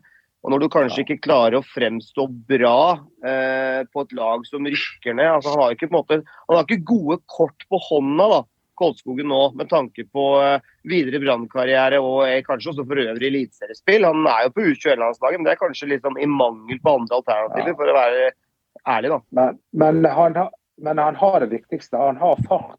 Og det andre kan jo han lære seg. Ja. Det går jo på Han er gjøre det 21 nå også. ja, ja, det, å, det å gjøre de riktige valgene. Sant? Eh, Mm. Men det hadde vært verre hvis det var omvendt. Sant? At han hadde det taktiske, men manglet uh, fart. For fart kan ikke du lære deg. Han ender vel oppe Dodo i Bodø-Glimt, og så er han landslagsspiller om to år. For da har han vist at han kan spille ut i frifase, løpe opp eh, Tengstedt på løp og eh, te- temme Brannforsvaret. Så har han vist alt han kan, og så ender han på landslaget om tre år. Det er klassisk. Ja, men, men, eh, men det hører jeg da. er også med trenere. Noen spillere passer perfekt Ja. i en klubb, og, og, og i en annen klubb så fungerer ikke det i hele tatt. Så, så det er greit nok. Mm, mm. Det er det er nærliggende å tenke at han trenger kanskje et mellomsteg. Da. Nå har han jo Mm. Hele sin proffkarriere i Eliteserien. Brann da eh, sesongen før, og, og ikke minst da Jerv i år. Da. Men, men kanskje han skulle tatt et steg i Obos, fått bygd seg opp litt. Mm. Altså, Timothy Dale ville sagt at han har spilt 50 kamper for Brann og Jerv. Han har jo faen ikke vært med å vinne ennå. Altså, det, er, det er jo litt sånn over det. Han har jo han har, han har tapt 90% av kampene han har spilt. Det er jo ikke lett å bli god. Men for å forsvare fyren, så har han jo faktisk mange kamper under beltet i Eliteserien. Så han Ja, bør kanskje være aktuell for andre klubber. Men jeg tror ikke hans vei, videre vei, er i, i Brann. Han må komme seg bort og starte opp på nytt, tror jeg. Og det, det der ekteskapet der, det er over. Med, med Ja, det er det. Horneland eh, tror ikke jeg har sansen. Ok. Og, og, og det, det er ikke plass til han heller. fordi nå eh, har de gitt kontakt til Pallesten, og de har Skovgård der. Og, de har, og, og de, eh, det som står på ønskelisten til Brann på førsteplass, er en midtstopper. Mm, den tar vi etterpå. Den kan vi diskutere. Altså, og det med fart, altså. Den er, eh, det, det er så viktig. Jeg husker Rosenborg-generasjonen med Skjelvik i forsvaret med han. Og fire-fem år før det så hadde de Kristatsgaard. Og um, Rosenborg var rå i den perioden der, men det har så mye å si, for laget kan stå så mye høyere, og du kan spille av så mye, du kan ta større risiko bakover. Eh, altså fart på stopper, det er mangelvare. En Ser til dagens fotball òg. ja, ikke sant. Eh, Rosenborg henta eh, Santer Ivaninen. Han eh, Ja, det er rett rundt Er hjørnet. klar? Ja, den er ready. Den er ready. Så uh, Vanin kommer, og jeg, jeg så en sånn derre uh, eh, White Scout Vainanen. Vainanen. Santeri.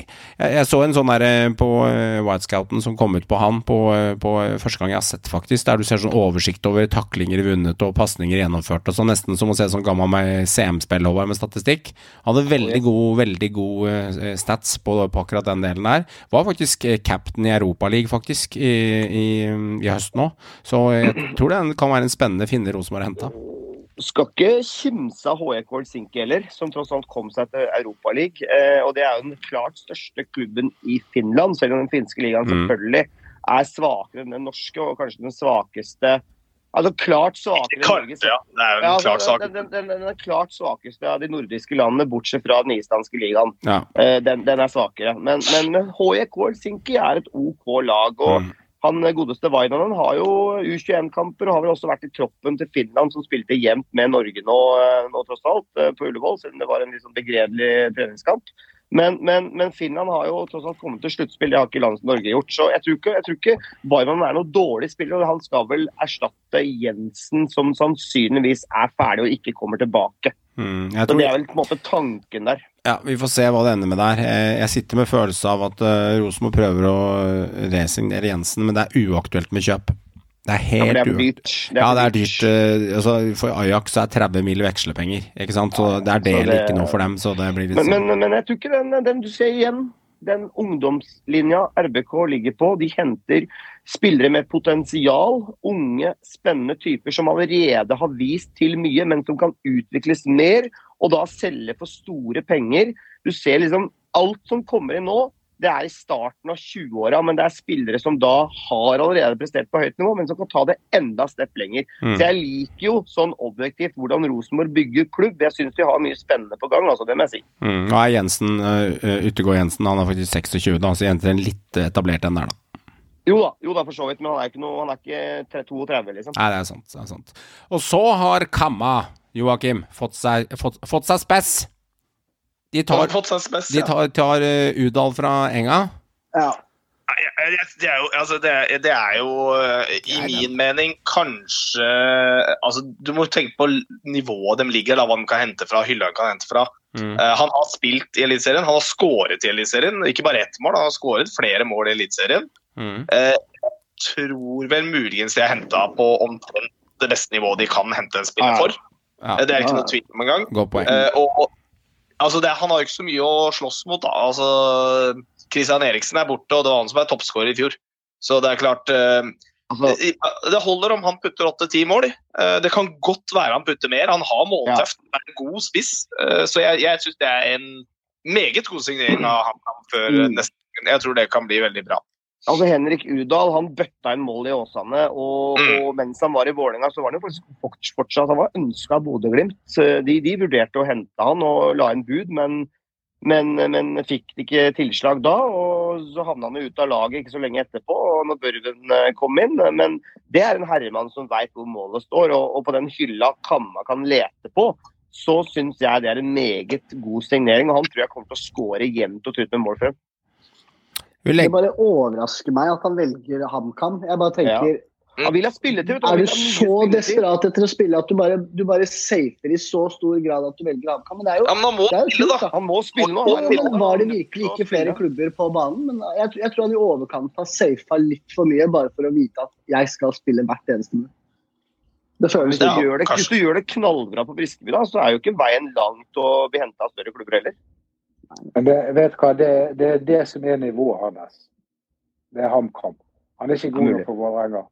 Nei, det er han ikke. Jeg er enig. Nei, Nei, han, absolutt han kunne vært god nok for uh, Godset, uh, eller uh, Dere har spiss da, Joakim. Dere har henta spiss.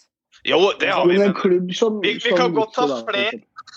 Ja. Mm. Ja. Men HamKam og, HamKam og Godset er ikke så langt unna hverandre, da. Sånn, sånn, Nei, nei. vi snakker en plass eller to her. Det er, det er ikke all verden. Er Dodo ganske, skulle si en kommentar her. Bare- han, er, han er svar på uh, Kolskogen.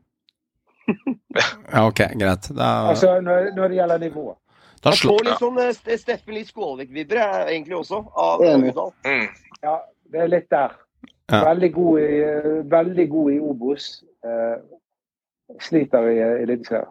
Hadde jo han gamle godsespissen også, han der kjekkasen som skrev bøtta i Obos, som spilte for godset en periode. Eh, som var i Sandnes Ulfossa. Jeg jeg husker hva het han gutta.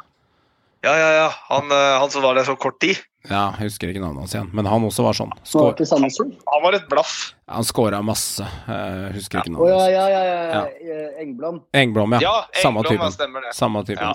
Ja, ja, det var jo klassisk. Obos-spiss. Men det sykeste er jo det, gutter, at han skårer jevnt og trutt bra med mål i Allsvenskan Han har gjort det i flere år. Han etter at han dro tilbake til Sverige. Og han var jo, herregud, de sine beste eh, år i karrieren befant han seg i Obos i Sandnes Ja. Ulf. Han var kongen i Sandnes, så det er litt merkelig Mm. nå. Så nå spiller han i Allsvenskan og gjør det OK der. Ja, ja, sånn er det. Sånn er det. Hei sann, det er Lars Jørgen Salvesen. Nå er det tid for quiz, gutter. Spiss ørene, gjør dere klare. Nå skal det kjempes om poeng. Quiz, quiz, quiz. Jeg har gjort en Oi, oi, oi. Vi har jo det, vet du, Dodo. Vi har, egen, vi har jo holdt på med Synseligaen i tre år. Uh, Yes. Ja, spilt eh, podder, om å snakke om norsk fotball. Og vi, har jo, vi lager jo quizene våre sjøl. Så enten er det jeg som er quizmaster og stiller gutta i panelet spørsmål, eller så er det Joakim som holder den, og så bytter vi litt på å holde det over en periode. Og da handler det om eh, no- norsk eliteserie og norske spillere og alt. Alt er norsk, vet du. Norsk, norsk, norsk, Dodo. Vi holder helt Det er ikke noe utenlandsk Liverpool og ManU her i gården. Så eh, Det er bra. Vi holder ekte.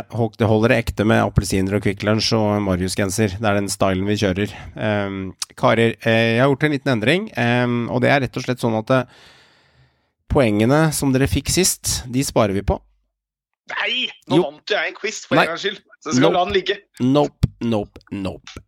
Det blir ikke sånn. Du kan si at du vant et stikk, og du skal få leve på den til uka. Du vant et stikk, og det er bra. Du har ti poeng, mer han har åtte, Håvard har fem.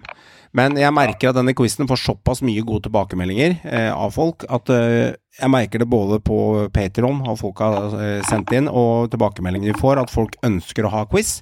Og Da er det stor sjanse for at vi bare kan fortsette det sporet, og da er det egentlig ikke noe vits å gi én seier her etter en uke. Da kan vi la det humpe og gå til Det er jeg veldig enig i, for Ja. da kan jeg komme opp på hesten igjen. Da kan du komme opp på hesten igjen. Og, men Meran leder da med, med, med Joakim leder da med ti poeng. Meran med åtte, HR med fem. Så da fortsetter vi samme tralten.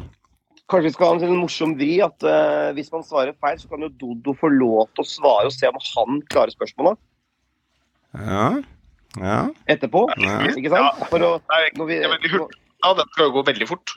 ja, hva tenkte du da, må Begrunn det. Er, er det 3-3-33? Og hva mente du når vi er ferdig med tida, så kan vi er ferdig med svare tiden, på de så må jo vi involvere gjesten vår litt i, i quizen. Ja, Jeg, så, vet hva, jeg, jeg har vært med i et sånt quizprogram på TV som kommer til vinteren. Og, og jeg har nå endelig erkjent at jeg ikke er så god i quiz. Men dere får følge med til vinteren. Ja. greit. Dodo, du kan sette deg tilbake og kose deg de minuttene her, og uh, høre på quizen og tenke 'shit, den hadde jeg klart'. Klarte den ikke den? Åh, den er enkel. Den Jeg er gjør, jeg, gjør, jeg gjør sånn hvis jeg vet det. Ok, gjør sånn. Og du er ærlig? Ja. det står i panna på deg. Jeg ser at du er en ærlig mann. Jeg ser det. Du er sånn fin fyr, så du er ærlig. Ok, karer. Vi spiller 3 minutter og 33 sekunder. Og Det betyr at det er 3 minutter og 33 sekunder, 3.33, som er navnet på denne.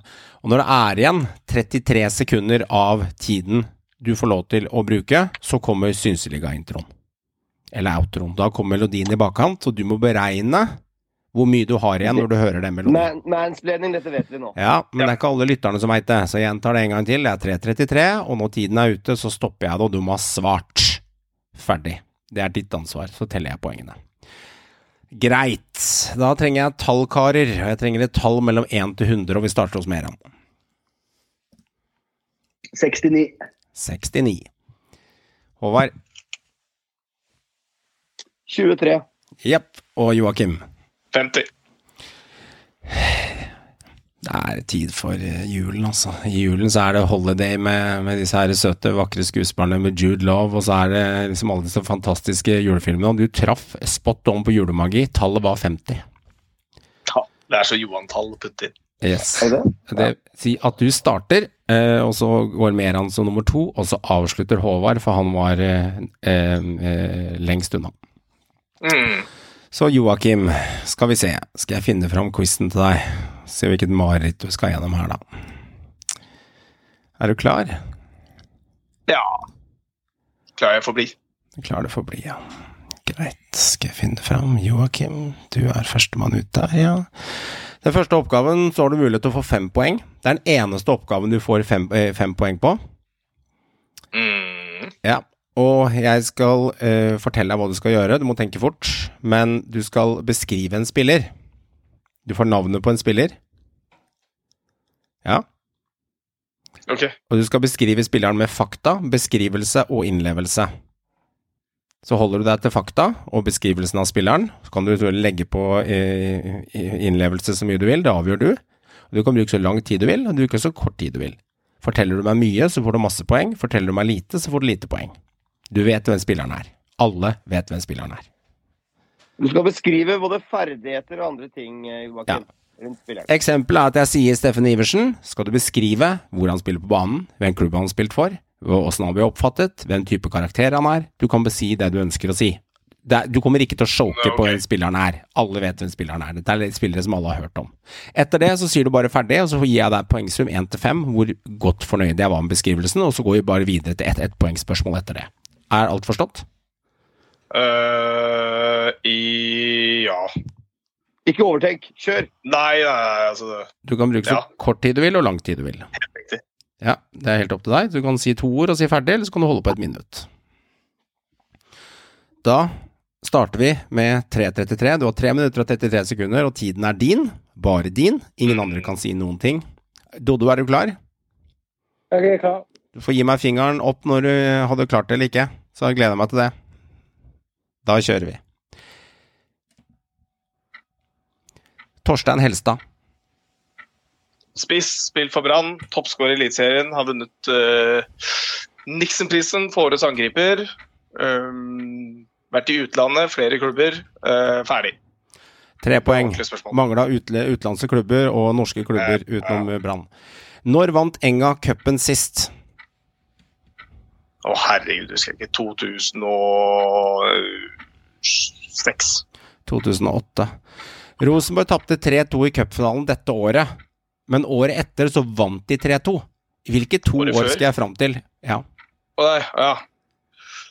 det er to år. De tapte 3-2 og vant 3-2. Pass. 1991-1992 slo Lillestrøm, tapte mot Godset. Null poeng. Hvor mange ganger har cupen blitt avgjort på straffer etter år 2000? Én gang, to gang eller seks ganger? To. Korrekt. Ett poeng. Hvem sa dette? Nå har vi sett målet fra siden, ovenfra og bakfra. En slik scoring burde vi også sett nedenifra. Hvem sa dette? Arne Skeie. Jeg vet ikke. Ivar Hoff. Å, deilig, Ivar. Ja, det var Hoff-kommentar, det. Hvem sa dette? Si meg, har Pascal Simpson fått for liten shorts til matchen, eller er han bare feit? Hvem sa dette? Mini Jacobsen, Ivar Hoff eller investoren Spreis Petalen? Spreis Petalen. Feil. Ivar Hoff. Hvem sa dette? En nattklubb er det eneste klubben Jan Derek Sørensen ikke har vært innom.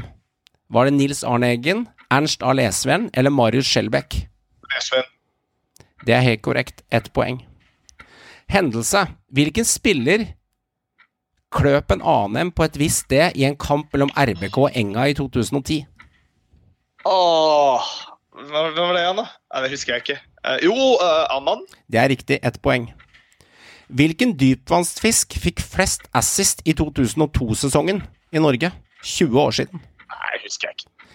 Piero Gallo, Bryne.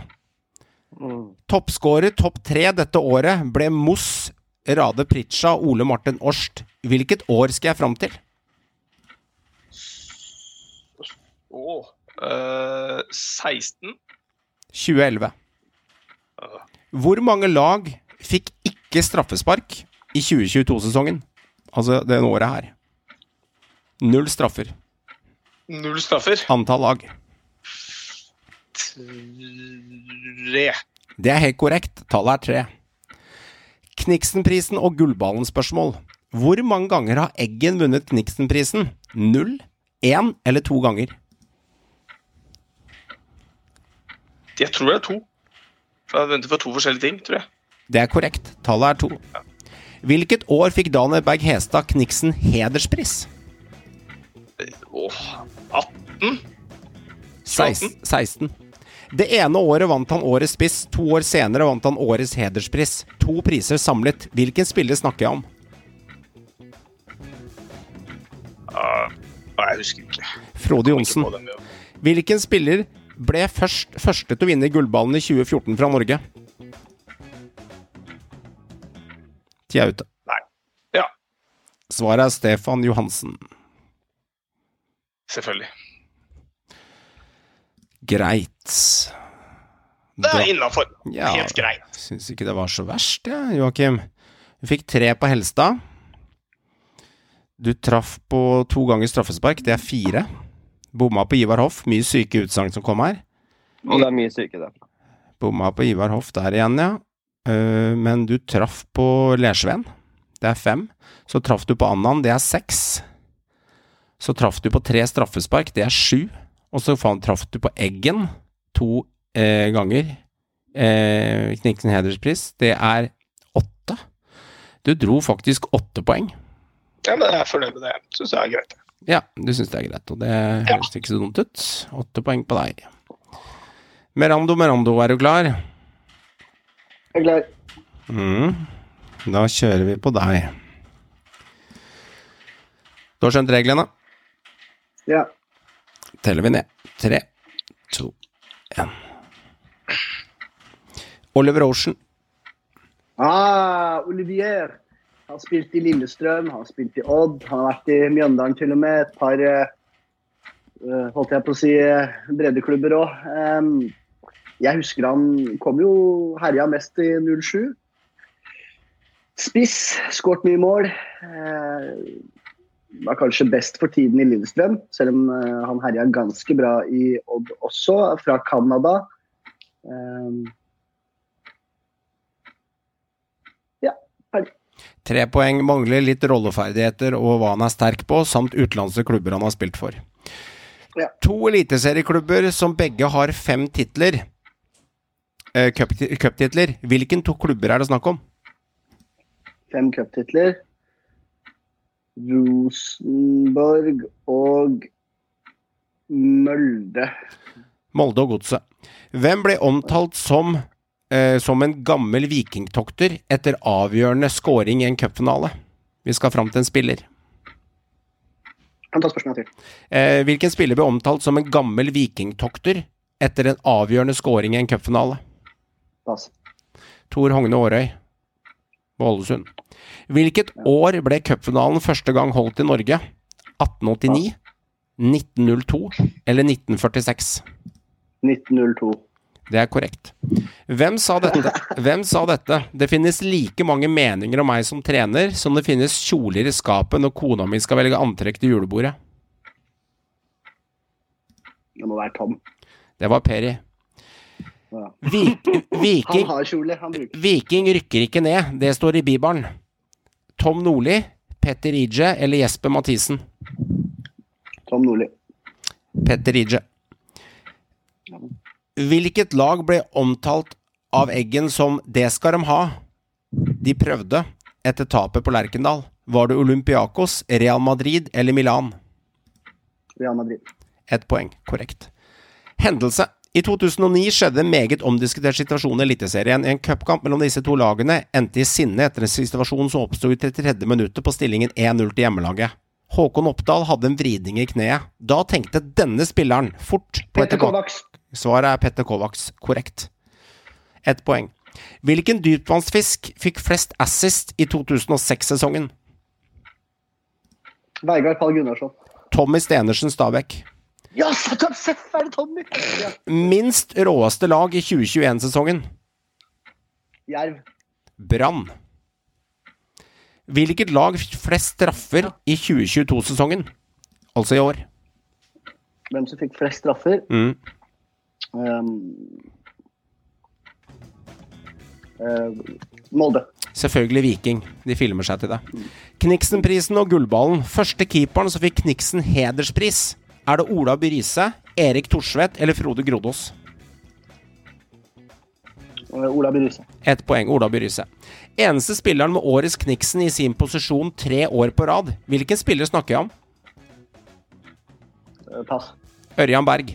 Hvilket år fikk Ronny Johnsen Kniksen hederspris?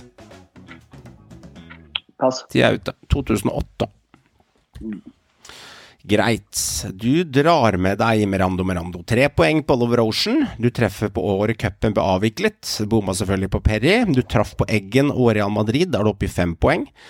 Du svarte i blinde på Petter Kovacs, som stjal ballen og Hata i Bergen. Det er seks poeng.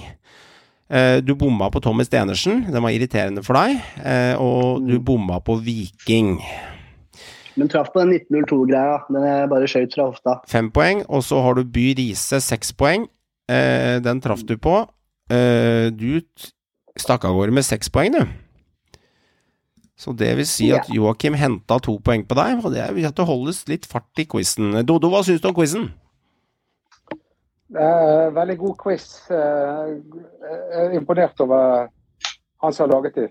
Ikke sant? Ikke sant? Eh, Jeg, jeg, er også, jeg er også imponert over de som svarer, for jeg, skjønner at dere ikke bare synser. å, takk, takk. Oh, Smakk, gutter. Jeg fikk dere fra Dodo. Det var herlig. Det var varme i trøya. Det var hyggelig. Men som har lagd det, har vi ikke peiling på. I julen så kommer det fra nissen, vet du. Fjøsnissen. Seilende inn på datamaskinen, Dodo.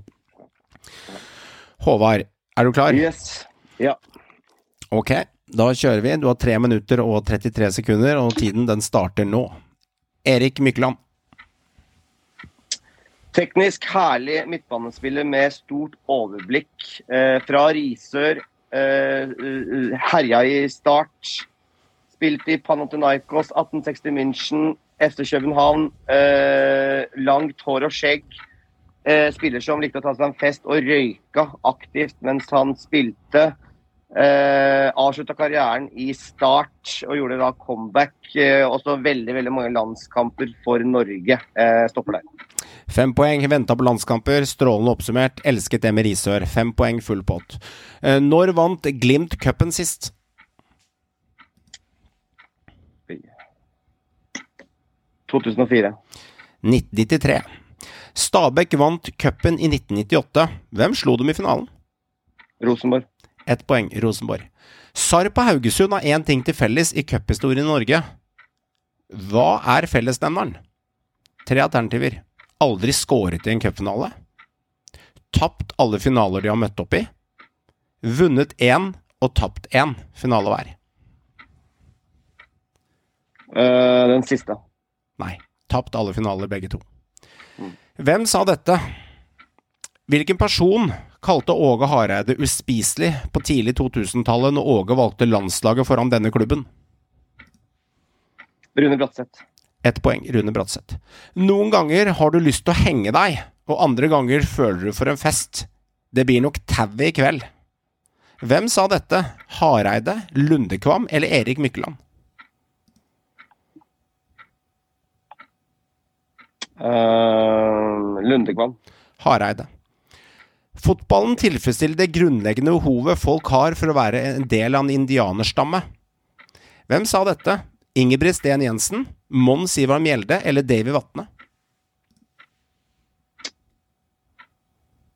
Uh, Davy Vatne. Ingebrigt Sten Jensen. Ah. Hendelse. Hvilken keeper stanget ballen i mål med hjelmen på huet fire minutter på overtid? Det skjedde i 2007 på Lerkendal, og kampen endte 2-2. Den glade amerikaner Aiden Brown. Det er riktig, ett poeng.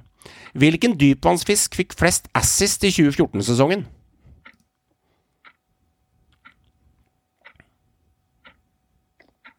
Fredrik Haugen. Bjørn Helge Riise. Hvor mange år på rad ble Øyvind Storflor Assis-kongen i Tippeligaen? Tre. Det er korrekt. Tre. Hvor mange straffer satt Jevtovic for Odd i 2022-sesongen? Seks. Fire. Kniksenprisen og Gullballen. Hvilket år ble Kniksen hederspist første gangen delt ut? 1991, 1999 eller 2009? 1999. 1991. Hvilket år fikk Sigurd Rushfeldt Kniksen hederspris?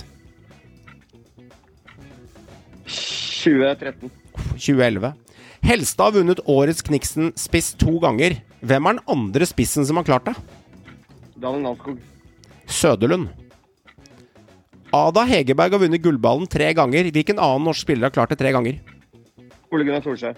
Karoline Gram Hansen. Tiden er ute. Ja. Det er noen seige der. Det er noen seige der. Mm. Tror ikke det var så gærent med tanke på at jeg dro inn fem første. Du dro inn fem på Myggen. Du dro inn fem, eh, ett poeng på Stabæk, som slo ut Rosenborg. Det er seks. Du tok Åge på Uspiselig. Det er sju. Du tok Adrian Brown på Lerkendal. Det er åtte. Og du dro Øyvind Storflor med spot on tre. Det er ni.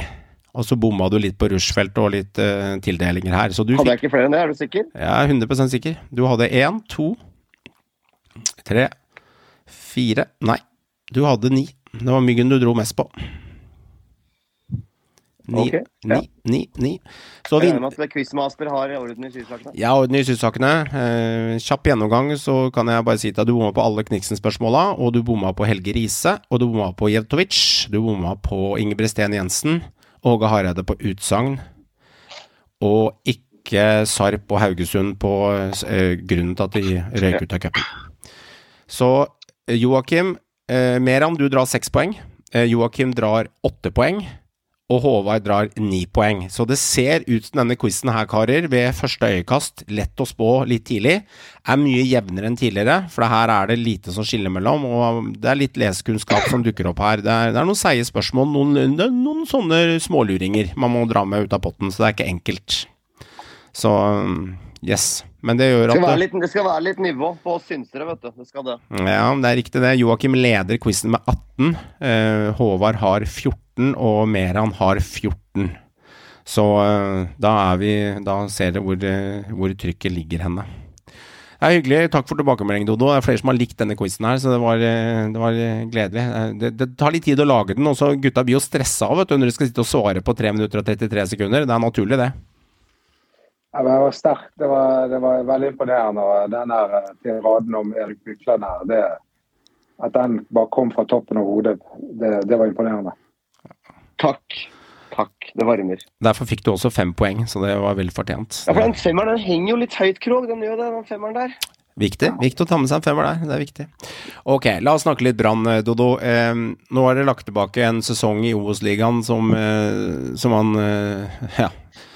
Bodø-Glimt og Molde har vist i siste sesongen i Eliteserien. Og man kan jo tro man kanskje fort kan være litt bedre enn det man kanskje er. Eller eh, hva tenker du? Ja, altså, Jeg husker jeg snakket med noen i trenerteamet etter at Brann hadde møtt Grorud på Brann stadion. Og, og da, da var de litt fortvilet over at det var at, at de møtte et så svakt lag. Det var ikke motstand, liksom. Så de, lengt, de lengter etter å møte noen på samme nivå. Eh, Men det blir jo spennende å se da, om eh, flere av de spillerne som har prestert høyt, f.eks. David Wolfe og Mathias Rasmussen og og Felix Horn Myhre, om om de klarer å gjenskape det i Eliteserien. Mm, mm. Eh, hvilken sjanse eh, hvis, hvis ikke Brann gjør så mye nå i vinduet, eh, hvordan er det du ser Brann? Si, hvis de er status quo før de begynner å hente noen eller gjøre noe, jeg vet ikke hvor mye penger som er i klubben og hvilke midler de har til rådighet, men eh, hvordan ser du de nå eh, versus de andre klubbene? For nå er det jo mange lag i Eliteserien som har ligget litt med brakk rygg, og det var jo et bånnivå i Eliteserien i år på antall poeng eh, versus tidligere. Så din tanke rundt det? Altså, jeg har jo tro på det begrepet som heter flyt. Eh, Der Paber og meg er også uenige om det, men eh, det er harmoni i spillergruppen. De har tillit til treneren. Eh, Treneren er veldig dedikert. Og de har vært i flyten veldig lenge. Jeg tror at, at medgangen fortsetter til neste år. Så jeg tror jo at de havner på en femte-sjetteplass. Oi, du legger de så høyt? Ja, det gjør jeg. For jeg, er ganske sikker på at det var veldig svakt nivå altså fra åttendeplass og nedover i, Eliteserien det var, det var lag som Brann etter hvert som sesongen kom i gang, var klart bedre, mener jeg. Hmm, hmm. Ok. Og Det ligger noe bak der sånn historisk også, hvis man tenker litt over det. Også Brann, da. Eh, Men også det er veldig typisk, i hvert fall eh, sånn tatt rett ut av hodet mitt, da, med disse lagene som rykker opp etter de rykker ned, spesielt de litt større lagene, så har den som regel en veldig god Eh, start eh, altså Det er den andre sesongen som gjerne begynner å bli tungvint eh, for de laga. Men den første Ja. sesongen så har gjerne de eliteserielagene en de, liksom, altså ikke, altså de, Det man ser på som et rent eliteserielag, som har vært en større klubb som har vært en turné, de har som Mm. regel når de kommer opp, så har de en god sesong og ender godt planta på øvre alder. Så jeg, jeg, jeg kaster meg også litt på den, at jeg tror at Brann, i hvert fall, hvert fall øvre halvdel, at de eh, legger seg fint der og ikke blander seg ned i noe nedrykk. Det tror jeg faktisk ikke. Hvor- Hvordan føler du stemninga i Bergen nå, Dodo, før comeback-sesongen nå eh, i Eliteserien? Eh, Driver folk og fabler om gull, liksom? Eller er det sånn at man er fornøyd med femte-sjetteplass? Hva, altså, jeg, jeg føler at Branns supporter har blitt langt mer edruelige eh, eh, de siste årene. Pluss at eh, eh, jeg skal, eh, det er en annen glede. Det, det året Obos gjorde godt for supportere. Det- ble bedre samhold. Og vi fikk en ny leder i bataljonen som eh, var flink med å samle alle smågrupper som egentlig sto mot hverandre tidligere. Så godt samhold. Eh, og jeg, jeg, jeg tror ikke forventningene er for høye. Men jeg, jeg tror nok at de fleste håper på at de skal være der oppe, som jeg, som jeg eh, tipper. Men hvis du skal se på spillerstallen litt nå, da, Dodo, den som er her nå. Hva føler du at eh, Vi har snakket så vidt om stopper, ny stopper. Det er ganske klart at det må inn en kvalitetsstopper som går rett inn på laget, og som kanskje er en, en leder bak da, som styrer Forsvaret, sånn à la hva Vito Wormgård og Dvadin Devenov gjorde de når de rykka opp uh, sist og da var solide i, i lang tid. Men hva ellers mener du at Brann trenger for å ta det neste steppet? Det er, det er denne spissplassen som er litt uh, problematisk, synes jeg. Fordi at uh, vi har to veldig gode spisser med helt ulike kvaliteter. Men, eh, men jeg, jeg er litt usikker på om Heggebø kan bære hele det. Det er jo han som kommer til å få mest tillit. Uh, om han, altså han er nødt til å løfte seg. Han er nødt til å, bli, han er nødt til å ta opp et hakk. Han mangler jo fart. Jeg er litt redd for at han skal bli en sånn uh, Steffen Lie Skålevik som nesten klarer det. Men tror du at det er en sjanse for at Brann ser dette her og henter en ny spiss som på en måte er et klart førstevalg? Eller tror du de kommer til å stå med Finne og Heggebø? Jeg tror de kommer til å stå med Finne og Heggebø. Sånn som jeg har forstått det, så er det først og fremst midtstopper de ser etter. Dernest en høyrekant. På, eh, på Børsting sin plass? Ja. Men da har jeg et innspill der. Eh, Du sier mellom femte- og sjetteplass neste år, da. Altså, Rosenborg har jo klassespiss. Bodø-Glimt har eh, bra arsenal oppover. Molde har det samme. Enga har Altså, Enga også har greit arsenal oppover. Eh, altså ett bak. Ja, det- og så har vi Lillestrøm også, som har uh, Akkor Adams og Fridtjon, som vet vi ikke helt, men Akkor Adams er også bra. Men altså, det vil si at Brann av de laga der, da, som er i neste rekke etter de fire-fem store, så må de gjøre det best av resten av Eliteserien uten en spiss vi, eh, vi skal stole på, hvis vi bruker det uttrykket nå, da, hvis vi snakker med Brannøyne, uh, for at du er i tvil om spissen. Men de fire-fem andre laga foran, de er jo på et helt annet nivå på spissplass enn det Brann er. Ja, eh, det, det er derfor jeg, det er en liten bekymring, men jeg håper jo at altså Finne er jo en klasseavslutter, og, og Heggebø er jo en fighter. Så det kan jo hende at, eh, at de gjør mine ord til skamme. Men jeg vil jo legge til at Brann har jo blitt et lag eh, som skårer fra alle mulige kanter. Mm, og der mm. Spesielt indreløperne har, har hatt målteft. Og det er ikke tilfeldig. Det, det handler om måten Horneland vil at Brann skal spille. kommer masse folk inn i boksen. og eh, Spesielt indreløperne kommer til mange muligheter. Det, det, det som jeg har en sånn liten sånn, for Jeg er alltid liksom litt sånn eh, negativ og litt stressa med tanke på, på Brann. Det er jo tanker som kommer og tikker inn i hodet, på, for det har vært så mye motgang eh, før. Eh, men eh, jeg er litt sånn redd for at Brann skal bli den nye Ålesund, som bare feide gjennom Obos og satte rekord. Og så kom de opp på et høyere, mye høyere nivå. Og så det som på en måte var lett i Obos, det, det holder ikke eh, mål i Eliteserien. Og det blir en det blir en tøff tøff eliteserie neste år. tror jeg. Det er mange klubber som satser. TV 2 har tatt over rettighetene. Det er mye penger i omløp. Så jeg er liksom litt redd for da, at det på en måte blir nedre halvdel og, og bunnstrid. Men jeg også er jo forsiktig optimist og tror på, på en femte-sjetteplass øvre halvdel. No, noe høyere opp enn det, det har jeg ikke trua på. for Jeg tror at de andre lagene foran de er for gode per nå. Men, men når du er så solid i Obos, og, og det, det, det spillematerialet vi har, vi har stor bredde eh, den formasjonen som er spilt inn, de, de, er gode til å styre kamper. Det er eh, mye vinnerskaller i det laget der, med selvfølgelig Sivert Helte Nilsen som hærfører. Jeg er veldig, veldig spent på Mathias Rasmussen, som var briljant i Obos i år, hvordan han vil se ut i Eliteserien og på et høyere nivå. Mm.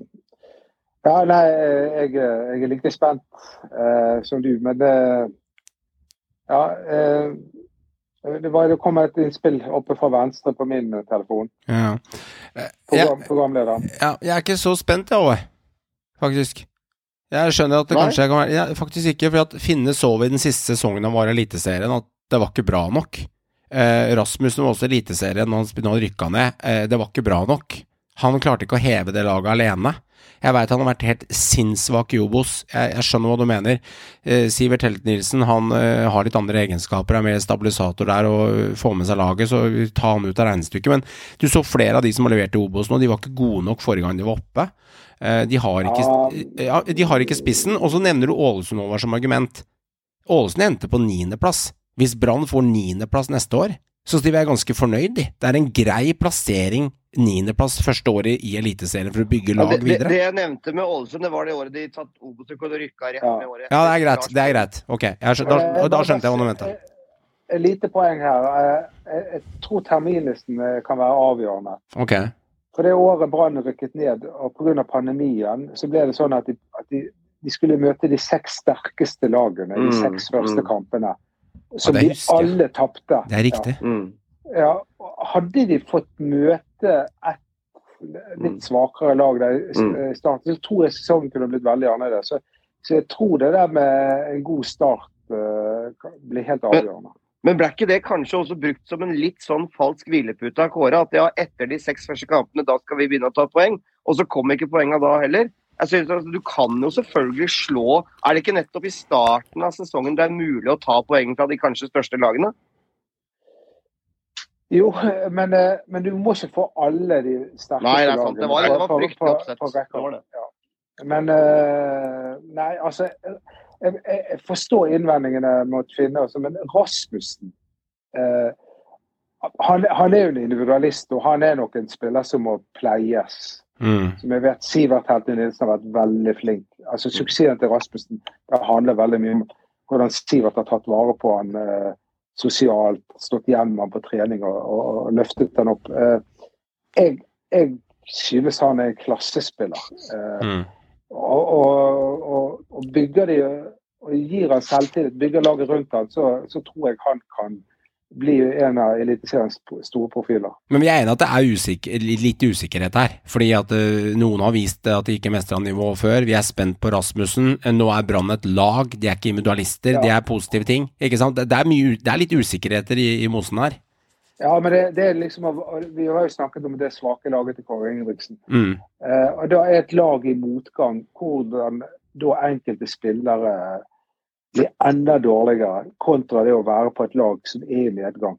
Mm. Og, og, og der, der arbeidsoppgavene er veldig tydelige.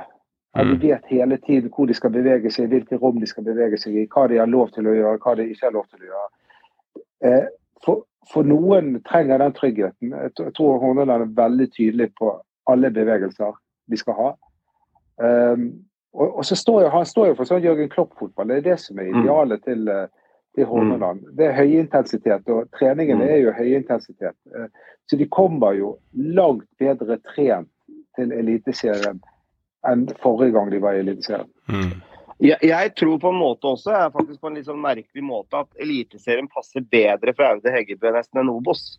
Eh, fordi han var jo faktisk et lite lyspunkt når de, når de rykka ned. Han var ganske god han i Eliteserien, Aune Heggebø, når han fikk sjansen. Eh, så starta han veldig veldig svakt, og jeg var nok en av de også som mente at Bård, Bård Finne burde få tillit fra start, for han skårte jo hver gang han kom inn. Men jeg tror også det kan være lurt å ha en sånn spiller i bakhånd da, som kan komme inn og fike inn et, en scoring, eh, selv om han selvfølgelig ønsker å starte kamper sjøl. Men, eh, men at du har to ganske jevne spisser som kan pushe hverandre, det er jo på mange måter kanskje en fordel også. Og det viste jo det at det, det, det Finne, Finne ble vel toppskårer i ligaen og starta nesten alle kampene som innbytter. Og det, det er jo en styrke at du har en, en joker som kommer inn og avgjør kamper, da. Mm. Ja. Pallesen Knutsen er signert videre, er han ikke det? Jo. Det er, også, Jo. det er også jeg skeptisk til. Det er to år siden han spilte Eliteserien sist. Han er skadeutsatt. Han er ikke noe klasse... Han er ikke en klassestopper. Han er bra, men eh, Nei, vet du, jeg Ja, Joakim. Joakim, hva tenker du? Brann? Altså, ja, nei, altså Som jeg nevnte i stad, sånn rent generelt basis, så ser jeg ikke noe årsak til at ikke Brann skal kunne slå seg inn på topp åtte. Uh, altså, jeg, jeg er litt usikker på den femte-sjetteplassen. Litt usikker på den, men Mm. at de havner på øvre halvdel. Og det er litt veldig mye på grunn av, som vi har vært innom her, da, de andre lagene rundt. Altså er Greit at Brann har noe usikkerhetsmoment med spiss, men det har da elleve andre lag i Eliteserien. så det er- godt poeng. og det er jo ikke noe problem i seg selv det alene. Mm. Uh, er det det som sagt det med det at et, eh, et lag som rykker opp, som er et stort lag som rykker opp igjen, de har en, altså Historisk sett så gjør de en, en veldig god første sesong. Om veldig god for Brann her betyr femte eller eh, åttende, niendeplass, spiller ingen rolle. Jeg bare tror ikke de havner og sliter ned mot bånn. Det, det tror jeg heller. Det tror ikke. Det tror ikke jeg heller. Altså For å si det sånn, da. eh, Med tanke på de lagene som rykket opp eh, i fjor, med HamKam og Ålesund eh, og Jerv, så er jo Brann et betraktelig bedre lag enn de lagene som rykket opp. Mm. Uten tvil. Og jeg ser også, eh, kanskje med litt Brann-øyne, men jeg ser også på, på Brann som et bedre lag enn Strømsgodset, Haugesund, de lagene i koblet rundt der. Jeg ser også på Brann som et bedre lag enn Tromsø og kanskje Mm. til og med Odd. Så, men etter topp fem så tror jeg det er veldig jevnt. Eller etter topp fire, da. Og der tror jeg at Brann kan havne nesten altså, De kan være med helt der oppe etter topp fem, etter topp fire. Mm. Det, det har jeg faktisk trua på med på en måte maks flyt. da. Men det, det, det, krever jo selvfølgelig at de treffer på spillerlogistikk og de treffer på spillere Ja. inn. Mm. For jeg, er jeg, jeg, jeg er helt klar på at det må forsterkninger inn, og selvfølgelig en sjef, en, stopp, en kvalitetsstopper. Og jeg er helt enig med deg, Dodo, en høyre kant. For Børsting han tror jeg ikke holder nivået i Eliteserien, faktisk. rett og slett. Han var ikke spesielt god i Obos. Han hardtarbeidende jobber, men det er ikke noe mye krydderspillere, for å si det sånn. Det er ikke mye Mm. spennende du får hos godeste Fredrik Børsting Mm. med det herlige etternavnet og de kule tatoveringene. Han, han er jo en fet type, men, men jeg tror dessverre han er ikke god nok på det nivået, faktisk. Mm. Det, det holder ikke. Eh, men så tror jeg også Jeg personlig kunne nok ønske meg en ny sånn stjernespiss. Jeg skjønner at det er liksom ønsketenkning, men, men, men det tror jeg kanskje den hadde, den hadde trengt. da. Mm. Men eh, bare, bare, bare en liten eh, faktor som dere sikkert har pratet om tidligere. Så dette her, hvordan fotball har endret seg når man får, får lov å ha fem innbyttere. Mm. Og Det tror jeg er fordel Brann. For de har, de har en veldig brei og, og, Mm. og god stall, og vi har allerede snakket om Bård Finne. eh, Så, så det Jeg tror det at fotball har endret seg med flere innbyttere, det, det Sånn som Mm. Brann ser ut per dags dato, så er det fordel Brann. Eh, eh, Veldig fint å ta det opp, for det er lenge siden vi har snakket om i Synseligaen-episode også. Eh, og når du nevnte det nå, Dodo, for jeg liker deg, vet du, du tenker litt utafor boksen, så er det det at da slo det meg en ting, og det skjedde for tolv sekunder siden.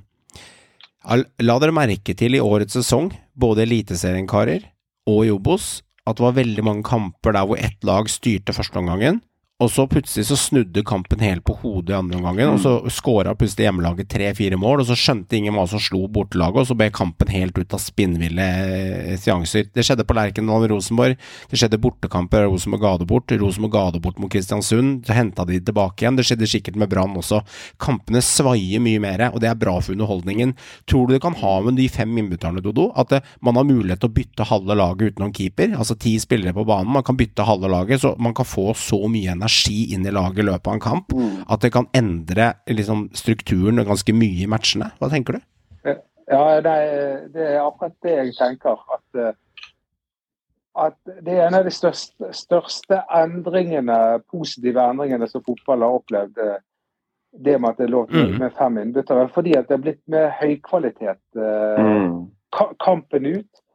langt flere grep en trener kan ta. Og, og, og så tvinger det klubbene til å ja, det, det, holder ikke bare med 13 gode spillere i en stall. Du må, du må ha veldig mange. Så jeg er helt enig egentlig i din oppsummering der. At Mm. eh, det, det var flere underholdende kamper eh, Mm. på, på grunn av det. Og Brann beviste jo eh, nå, eh, nå sist eh, i, i denne sesongen her hvordan Altså, det, det var en, Jeg hadde tallet på det, men jeg har glemt det. Men hvor mange mål Brann skårte de 15 siste minuttene, det, det, var, det var sensasjonelt mange. Ikke sant? Og du kan ta, jeg kan ta et annet lag der før du tar ordet over. Sarpsborg. Sarpsborg tror jeg hadde tre kamper i fjor med, med 1-4, 0-5 og 1-5-seier. Så de først så fant de ut etter første omgang at de var jævlig gode, så da leda de 2-0. Og så kjørte de på med fem bytter, og så bare rulla de over laget, og så vant de plutselig 0-5. Det kunne vi ha sett av Sarpsborg på mange år. De var et kjedelig fotballag, spilte 0-0 og 1-1. Plutselig så det ut som, en, eh, som, eh, som, som, som et festlag utpå der. Så det er sånn, det, det endret dynamikken i matchene på en helt annen måte. Så hvis du først var dårlig, og det ble rulla over, da ble du skikkelig klådd. Det er det jeg følte var veldig utslagsgivende i Obos. Brann kunne kanskje sli, altså ikke slite, da, det, det er hardt begrep å bruke, men det kunne, det kunne på en måte stoppe litt opp. da. Og så bare rulla de over lag i andre omgang. For at De Obos-lagene de konkurrerte med, de, de, på en måte, de hadde én OK-11, liksom. I hvert fall, veldig mange av de da. Mm. Så hadde de, eh, for å si det med all respekt, raskt på benken. Og så kommer Brann og bare setter inn eh, spillere som er nesten på samme nivå, kanskje noen av de til og med bedre enn de som starter. Ja. Og da bare blir det klasseforskjell. Mm. Og det tror jeg faktisk vil være utslagsgivende, for det er blitt et klasseskille i norsk fotball, særlig i Eliteserien også. De store lagene fra de større byene og med, med selvfølgelig mest penger, de har jo mye større og bredere staller enn de lagene under. og da da er det utslagsgivende med tanke på fem innbyttere. Veldig ofte, tror jeg. Mm. Dodo, eh, hvis du kan oppsummere kjapt. Hvis du kan ønske deg tre spillere, trenger ikke navn, men posisjoner på banen som Brann skal forbedre til 2023-sesongen, eh, tar du tre asker for meg? Det, det er litt vanskelig å svare på det, for jeg har ikke lyst til å ødelegge harmonien i, i spillergruppen heller. Det tror ikke jeg Hordaland heller gjør. Så jeg tror det bare blir én eller to nye signeringer. Mm. Max, jeg tror nesten det blir maks to. Og hvor skal det være? Men altså, altså Vi trenger en midtstopper. Eh, vi trenger en spiss og en høyrekant. Det er egentlig det. Ok. ok. Mm.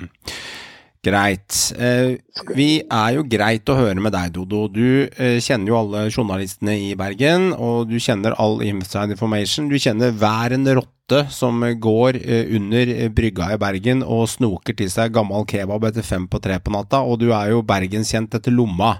Så hva er det du veit om denne nachspiel-skandalen? Det må tas opp. Nå har det gått lang, lang tid, og hva er det som egentlig ulmer, og hva er det som eh, har dukket opp av det ene og det andre der som intet prates om, men alle vet? Det, det er jo altså, Det er ingen som hører deg, det er bare oss fem her. Det er ingen andre som hører deg. Eh, det Jeg angrer på det. Med Trond Egil Soltvedt jeg sa det, men det er jo 30 år siden, så jeg håper jo at det er på en måte Trond han bærer ikke nag, han nå. Nei, nei. Men eh, Trond får kred, han nå. Altså, Brann trengte en opprydning i den spillerstallen. Eh, for det var en festkultur der. Da. Og jeg trenger ikke nevne navn, da, men eh, de kvittet jo seg med de, de som eh, sto for de mest negative tendensene. Mm, okay. Det gjorde de. Og, og det var de, de var også pådrivere i, på, på denne festen. Det er jo klart at sånn som Thomas Grøger, også spiller for Strømsgodset, han var jo med på nachspielet, men han var jo totalt uskyldig. Han visste ikke hva han gikk til. Han, han bare fulgte gutta der, og så tror jeg han gikk tidlig hjem. Mathias eh, Rasmussen gikk tidlig hjem. Så, så disse her tolv eh, disiplene, holdt jeg på å si, som ble outet Horneland så langt at de måtte stå fram. Det var jo ikke alle de som var like skyldige. De, de var, bare hang med. Jeg er helt sikker på at hvis jeg hadde spilt for Brann, hadde jeg helt sikkert vært på det nachspielet, jeg også. Mm. Det var en veldig spesiell situasjon med en dansk keeper som, som knapt hadde rukket å trene med klubben og spille kanskje en cupkamp eller hva det var. Han, eh, han, som ble, han som faktisk hadde en god CV fra Danmark og som forsvant ja. nesten like raskt som eh, som han kom. Eh, Det var jo meget spesielt. Hva, hva var hans rolle oppi dette her? Jeg tror han eh, dessverre hadde en sentral rolle. Og jeg tror at eh, at treneren sa til han at du, du må gjerne bli i klubben, men du kommer ikke til å få spille. Eh, fordi at Horneland, uten at jeg vet om han gjorde noe galt eller ikke, men det er ikke Horneland tålte, det var folk som på en måte dekket over sannheten. Horneland er grenseløst ærlig. Så Hvis dere noen gang er på en trening med Brann og henger igjen til slutt, og så går, går bort til Horneland og begynner å snakke med han, så får dere dønn ærlige svar. Han er en fin fyr. Prata med han tidligere. Veldig, veldig lun og veldig jordnær. Og um, han er uh, Det som er en veldig fin egenskap hos han, han har en lytteegenskap å sitte og høre på deg når du prater, som gjør at han faktisk Han hører ikke, han lytter når du snakker med han. Den, altså, den eneste som er igjen av, eh, av de sentrale i den Norskbilskandalen, nachspiel-skandalen, var jo altså Det er flere som er igjen, men Sivert Heltene Nilsen var jo der da. Men han har jo blitt Han er jo et unikum av en leder på og utenfor banen eh, i Brann. Han, eh, han er så omgjengelig eh, og tar vare på eh, både supporter og presse og, og, og, og medspillere. Eh, han er rett og slett eh, en, en helt fabelaktig fyr. Men når det gjelder Mathias Rasmussen, årets spiller i Obos og en, en, en mann som virkelig har fått gjennomtrudet sitt i Brann i år, da. Han var jo på en måte erklært uønsket. Hvordan snudde den situasjonen der? For han var på en måte på vei, han var på en måte ferdig, virka det som. Ja, det, det var mange fasetter i den saken. Men det var jo, han, var litt, han er jo litt frittalende, han var litt klønete. For Kristoffer Barmen er jo, sånn som jeg har forstått, en veldig snill omgjengelig fyr som tar vare på nye spillere. Og Mathias Rasmussen var glad i Kristoffer Barmen og følte behov for å forsvare han. For han var jo den som fikk sparken. Og, Mm. og det ble veldig dårlig tatt opp eh, innad i banen. At Ja. eh, det, det, var, det var liksom ikke tid for å gå ut og forsvare Barmen når de hadde brukt to uker på å kutte seg mann. Så, så det var jo det. Men så gikk jo han og ba om pent vær. Og, og ba om tilgivelse, og det fikk han. Hmm. Det er lov, det. Man gjør noen ganger dumme ting i livet, og det, det er fair. Og han, han har jo betalt tilbake med skåringer og assist og vist seg som en skikkelse på Brann i 2022-sesongen, så det var fint. Ja, det, var, det var jo det, det klikket helt på Horneland, og han, han, han visstnok eh, hadde bestemt seg for å slutte da, fordi at han trodde alt med Nachspiels kanal var ferdig. Så fikk han da vite om eh, det, det, det, det, kjente upubliserte intervjuet med Mathias Rasmussen. At han hadde forsvart Kristoffer Barmen. Um, dette intervjuet kom alle på trykk, men eh, Horneland ble kjent med innholdet i det, og da klikket det helt for han. Han, han trodde han var ferdig, og så kom det eh, at det skulle komme opp noe nytt igjen. Uh, og da og Derfor var det Mathias Rasmussen ble erklært uønsket en periode. Men hvordan var denne granskingen av denne saken? For du jobba i Bergenspressen, du jobba i BT. eh, og hvordan var denne, denne granskningen? Altså hvor, hvor, hvor liksom eh, altså, Hvordan kom sannheten frem? Var det, sånn, var, det, var det sånn at klubben delte dette her? Eller var det sånn eh, på en måte praten på gata og den som hadde hørt hva, og ryktene gikk, liksom? Det var jentene som var utsatt for overgrep. Det var fra den kanten at det ble kjent. Mm. Og, og så prøvde nå Brann eh, å bagatellisere det i begynnelsen. Og det, det, var, det var en tabbe. En klassiker. Ja, klassiker. Rett og slett en klassiker. Ja. Jeg skjønner. jeg skjønner. Eh, Foreligger de eh, anmeldelsene enda, eller er de trukket eh, fra de jentene? Nei, eh, nå er jeg litt usikker. Jeg tror den ene som eh, var en anmeldelse mot eh, en spiller som aldri man har sagt navnet på, men som ikke spiller i Brann. Og jeg, jeg vil ikke si navnet på han, men alle vet jo hvem det er. Mm. Den, den eh, bevisets stilling eller noe sånt, så Mm. slapp han unna. Mens hvis jeg tror jeg husker rett med at Kristoffer Barmen godtok en eh, bot på 10 000 kroner. Mm. Det skal jo sies at eh, Navnet på denne spilleren er jo offentliggjort eh, i media også. Det er jo, det er jo Vegard Forhund som er spilleren, og det har jo kommet fram i media i etterkant. Eh, Ja. Opptil flere media, mediehus har jo omtalt dette. og Det var jo Ja. litt sånn merkverdig måten han plutselig bare stakk dag, eller dagen derpå, eller ja, bare blitt enige om å avslutte avtalen, og så ferdig med Bare ha det bra. Takk for meg.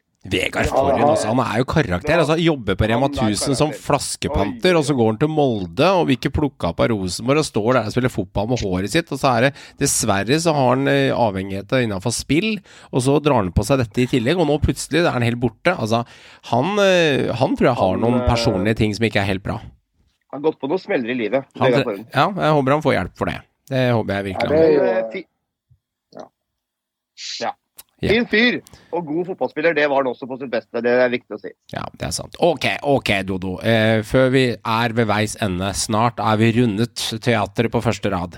Og spørsmål til deg. Andre klubber i norsk fotball, er det noen du eh, ser på med argusøyne? Er det noen du hater? Er det noen du beundrer? Er det noen du fascineres av? Eh, vet du er eh, brannmann, men, eh, men eh, snakk gjerne om norsk fotball generelt til oss hvis du har noe å melde der. Ja. Eh, dere får hjelpe meg hvis det er noen klubber. Eh, før i tiden så hatet jeg veldig mye, men eh, det, eh, det er veldig lite hat igjen i meg, Ok. må jeg si. Hvem Men hatet du før da, Dodo? Rosenborg, av hele mitt hjerte. Men det var jo fordi, selvfølgelig fordi de var så jævla gode. Men, eh, men den, den klubben jeg sliter mest med eh, og det har vi egentlig alltid gjort, og vi har hatt noen feiler med det. det er Ser du skjerfene, Dodo, bak meg? Ser, ser du skjerfene på veggen? Eh, nei. Ja, det er så vidt. Det er så vidt. Det er for at det er sånn blurry eh, iPhone-kamera på iPhone 13, men der henger det åtte RBK-flagg, da. Det er skjerf du har. Så, ja. Ja, jeg skjønte at du var RBK, men eh, Molde og jeg, jeg, jeg vet jo det at TV 2 Jeg vet jo at TV 2 håper at det blir noen andre enn Molde som skal være det førende laget. fordi at de har, de har ikke bare et lite publikum på, på, på Aker stadion eller Molde stadion. De, eh, de har også et lite publikum. Det er veldig få TV-seere. Så det Bodø-Glimt spesielt og Brann eh, og Rosenborg det er klubb, det er klubber som trekker langt flest TV-seere. Så jeg tror jo at TV 2 ønsker det samme om Molde som jeg gjør. Mm. Vekk, vekk fra tronen. Men jeg har veldig sans for Bodø-Glimt. Uh, Kjetil Knutsen var jo nesten var jo, De var i samme omgangskrets på, på 90-tallet. Så jeg har jo, følger jo han. eh, Robert Hauge er jo en, en god venn også. Så jeg heier, heier på Bodø-Glimt. Eh, har i hvert fall gjort det i år når barnet ikke har vært der. Skjønner. Er. Jeg, jeg, er, jeg er fascinert av Rosenborg, hvordan de nå Jeg hadde aldri trodd at Rekdal skulle klare men hvordan de eh, har klart å, å bygge nytt på en ny måte som ikke Rosenborg har gjort eh, på lenge. Um, Ja. Så jeg vet ikke hva andre sentrale klubber er det vi kunne ha snakket Enga. om. jeg- Enga. Enga, Enger, ja. ja. I- I Brann eh, I Bergen så hater jo alle Enger, da. Men altså Min far sant? han var Vålerenga-supporter, og min fetter eh, er det. Jeg klarer ikke å hate det. Det er noe der. Og så er det noe med at klubber som på en måte ligner på Brann, Mm. sto- store klubber eh, fra store byer som mislykkes stadig vekk. Jeg, jeg, jeg kjenner litt på smerten til de. Til de. Mm. Hva med Vikinga, som er sånn der eh, oljebyen og mye penger og gammel storhet i norsk fotball? Ja, Nei, vi- vi- Viking generelt i, i Bergen har, eh, har, har vi sympati med. Um, Ok. Det var er Anders Parma som hater de mer enn Vestlandsklubber eh, er, er ofte litt sånn Har litt sympati med hverandre. og, og hvis, hvis dere vil høre en av de mest absurde supportersangene som noensinne er laget, jeg tror det var på begynnelsen av, eller slutten av 80-tallet, begynnelsen av 90-tallet, så var det en sang av Ove Tue og flere andre som het eh, 'Vi er fra vest og vi er best'. Og Det var en slags supportersang for alle vestlandsklubber. Alt samlet i ett. Sjekk den ut på Jeg har hørt den! Det er helt, Ja. det er helt sjukt. det er, er helt altså, Med tanke på i dag at- vi liksom skulle holde med fem lag samtidig. Ta, ta og Sjekk den sangen ut! Det er legend, da. Alle skal være Altså, venner. Ja, Den sangen er faktisk verre enn den derre Jørn Hoel og den derre Let's Do It, den Drillo-sangen som bare hadde handla ikke om fotball i det hele tatt, den låta. Jeg husker den derre VM 98 offisielle låta, eller hva faen det var for noe. Det er faktisk den verste fotballåta jeg har hørt i hele mitt Ja, liv. men den VM 98 var, det var jo oppfølgeren til Alt for Norge 94, og da var fallhøyden stor. Og, og, og da er fallhøyden meget stor, ja. Ja, det kan du si. Men det, den, det vest, vi er fra vest, eh, og vi er vest. Det, det verste er at han er ganske fengende. Det, Ove Tue var jo en legende. Han, jeg tror han lagde 100 Brann-låter. Eh, så, altså, han hadde jo meloditeft. Eh, Så eh, ta, ta sjekk den ut på Ja, YouTube. Eller, eh, det, og den er ganske lang. Vær forberedt på at den er lang. Er lang sangen. Ok. og Da er jo, står vi igjen med Brasil. Står igjen med Brasil og Qatar. Eh, har du fulgt mye med på VM, og eh, har du sett ditt kjære Brasil? altså Det må jeg bare si at i min barndom så var det større med Brasil enn Brann. Mm. Fordi at Den første fotballkampen jeg husker, var VM-finalen i 1970. Og da var jeg i Brasil. Eh, og det å se, Brann, eh, se Brasil i VM, det har alltid vært det største. Jeg har Mm. lengtet etter hvert VM. Mm. Men nå med den kommersialiseringen av fotball generelt, Mm. og, eh, og, denne her, og dette VM spesielt, med ikke bare kommersialisering, men med korrupsjon og brudd på menneskerettigheter og sportsvasking og alt det, så kjenner jeg at fotball blir litt altså Supportergenen i meg på en måte forsvinner litt. Det blir litt fremmed. Og, og det er Jeg er glad for at jeg har Brann som- og, og, og norsk eliteserie som på en måte eh, har klart å bevare fotballs identitet. Mm. Mm. Doddo, har du kost deg i dag i podkasten Synseligaen? Ja, det har jeg. Eh, nå har jeg brukt min eneste frikveld på to uker med å henge med dere. Nå tror jeg at, nå tror jeg at hun jeg er gift med, um, eh, lett, lett irritert. Mm. Men Du får skjenke Men- et godt glass vin til henne når du er ferdig. Også. Ja, jeg skal gjøre det. Men jeg vet hva, det har vært veldig, veldig kjekt. eh, Og eh, jeg håper dere spør meg igjen en annen gang. Du, det kommer vi til å gjøre. Og Absolutt. sannsynligvis så kommer vi til å invitere deg før sesongstart. Når litt brannbrikker kommer på plass og det nærmer seg en uke eller to før sesongstart, så kan vi invitere deg igjen til å være med i episode. Ja, og, Men jeg må jo bare si at uh, mens jeg tidligere år har egentlig har fått med meg alt, Nei. spesielt om Brann, uh, så har denne nye jobben min gjort at uh, det at eh, ja, rett og slett jeg går, går litt glipp av ting innimellom her. Mm. Eh, litt sånne bra brannnyheter. Oi, har det skjedd, liksom? Så, um, men, eh, men jeg skal prøve å holde meg så godt jeg kan oppdatert. Mm. Vi inviterer deg gjerne igjen, og det var en glede å ha deg med. Eh, I Synseligaen spiller vi totimeepisoder. Vi gjør ikke som ballspark og spiller 36 minutter. Vi gir, he, vi gir hele runddansen rundt, og det var en Nei, det- glede å ha deg med. Det er, har, dere, har dere lyttere som er med hele veien også? Ja, ja. I to timer? Ja. Ride or die-fans. Det er dem. De er med. Da, da må jeg, og, og, og, og, og de holder til over hele Norge. De holder til i hele Norge. Ja. Har dere en sånn Facebook-side der går, inn og legger, går an å legge inn kommentarer og sånn? Twitter. Twitter. Eller noe? Twitter, ja. Twitter og Instagram. Ja, det. Og det, det, det som er litt farlig nå, det er jo at det er Håvard som styrer Twitteren, og han er Brann-supporter. Og så skal du være med og diskutere på den. Da er det to Brann-supportere som plutselig skal sitte og styre. Dette her blir skummelt, nei, nei, nei, nei, nei, nei. Jeg, jeg ville bare Nei, nei, bare sånn Jeg, jeg, jeg flørter bare med deg. Nå, nå, skal, ikke sant? nå blir du med som, som en morsom greie og, på Twitteren. Og så er det Håvard som også er Brann-supporter, som styrer Twitteren vår. Så plutselig sitter man to stykker der, og det er litt gøy. da Begge er Brann-supportere. Det er gledelig. Men jeg eh, vil si jeg, jeg er ikke Brann-supporter når jeg styrer den. Da prøver jeg å være Ja, veldig objektiv, da. Ja. Men jeg vil Det har vært lett i år. Det er ve- veldig kjekt å henge med dere. Og jeg føler på en måte liksom en slags eh, eh, nærvær og nærheten til deres lyttere også. Mm. Eh, Det er noe som jeg, jeg, jeg kan kjenne at de er der. Så bra. Forstår dere hva jeg mener? Vet du dette her, dette var, dette var vakkert. Nå hører jeg. Ja. Det var vakkert. Det var det jeg sa til deg, Dodo, i starten av poden. Du har noen egenskaper som går forbi det første fasettleddet, og så er det tre fasettledd-ledd, og så da vil det være siste ord i dag. Det er deg. Tusen takk. Du er en fin fyr, og jeg elsket å sitte og høre på deg i dag. Og kjære lytter, jeg håper du elsket å høre på denne episoden, og spre den gjerne i sosiale medier. Og tusen takk for at du lytter til Synseligaen. Er du interessert i å høre mer, så går du inn på Patreon. Da veit du hva du skal gjøre der.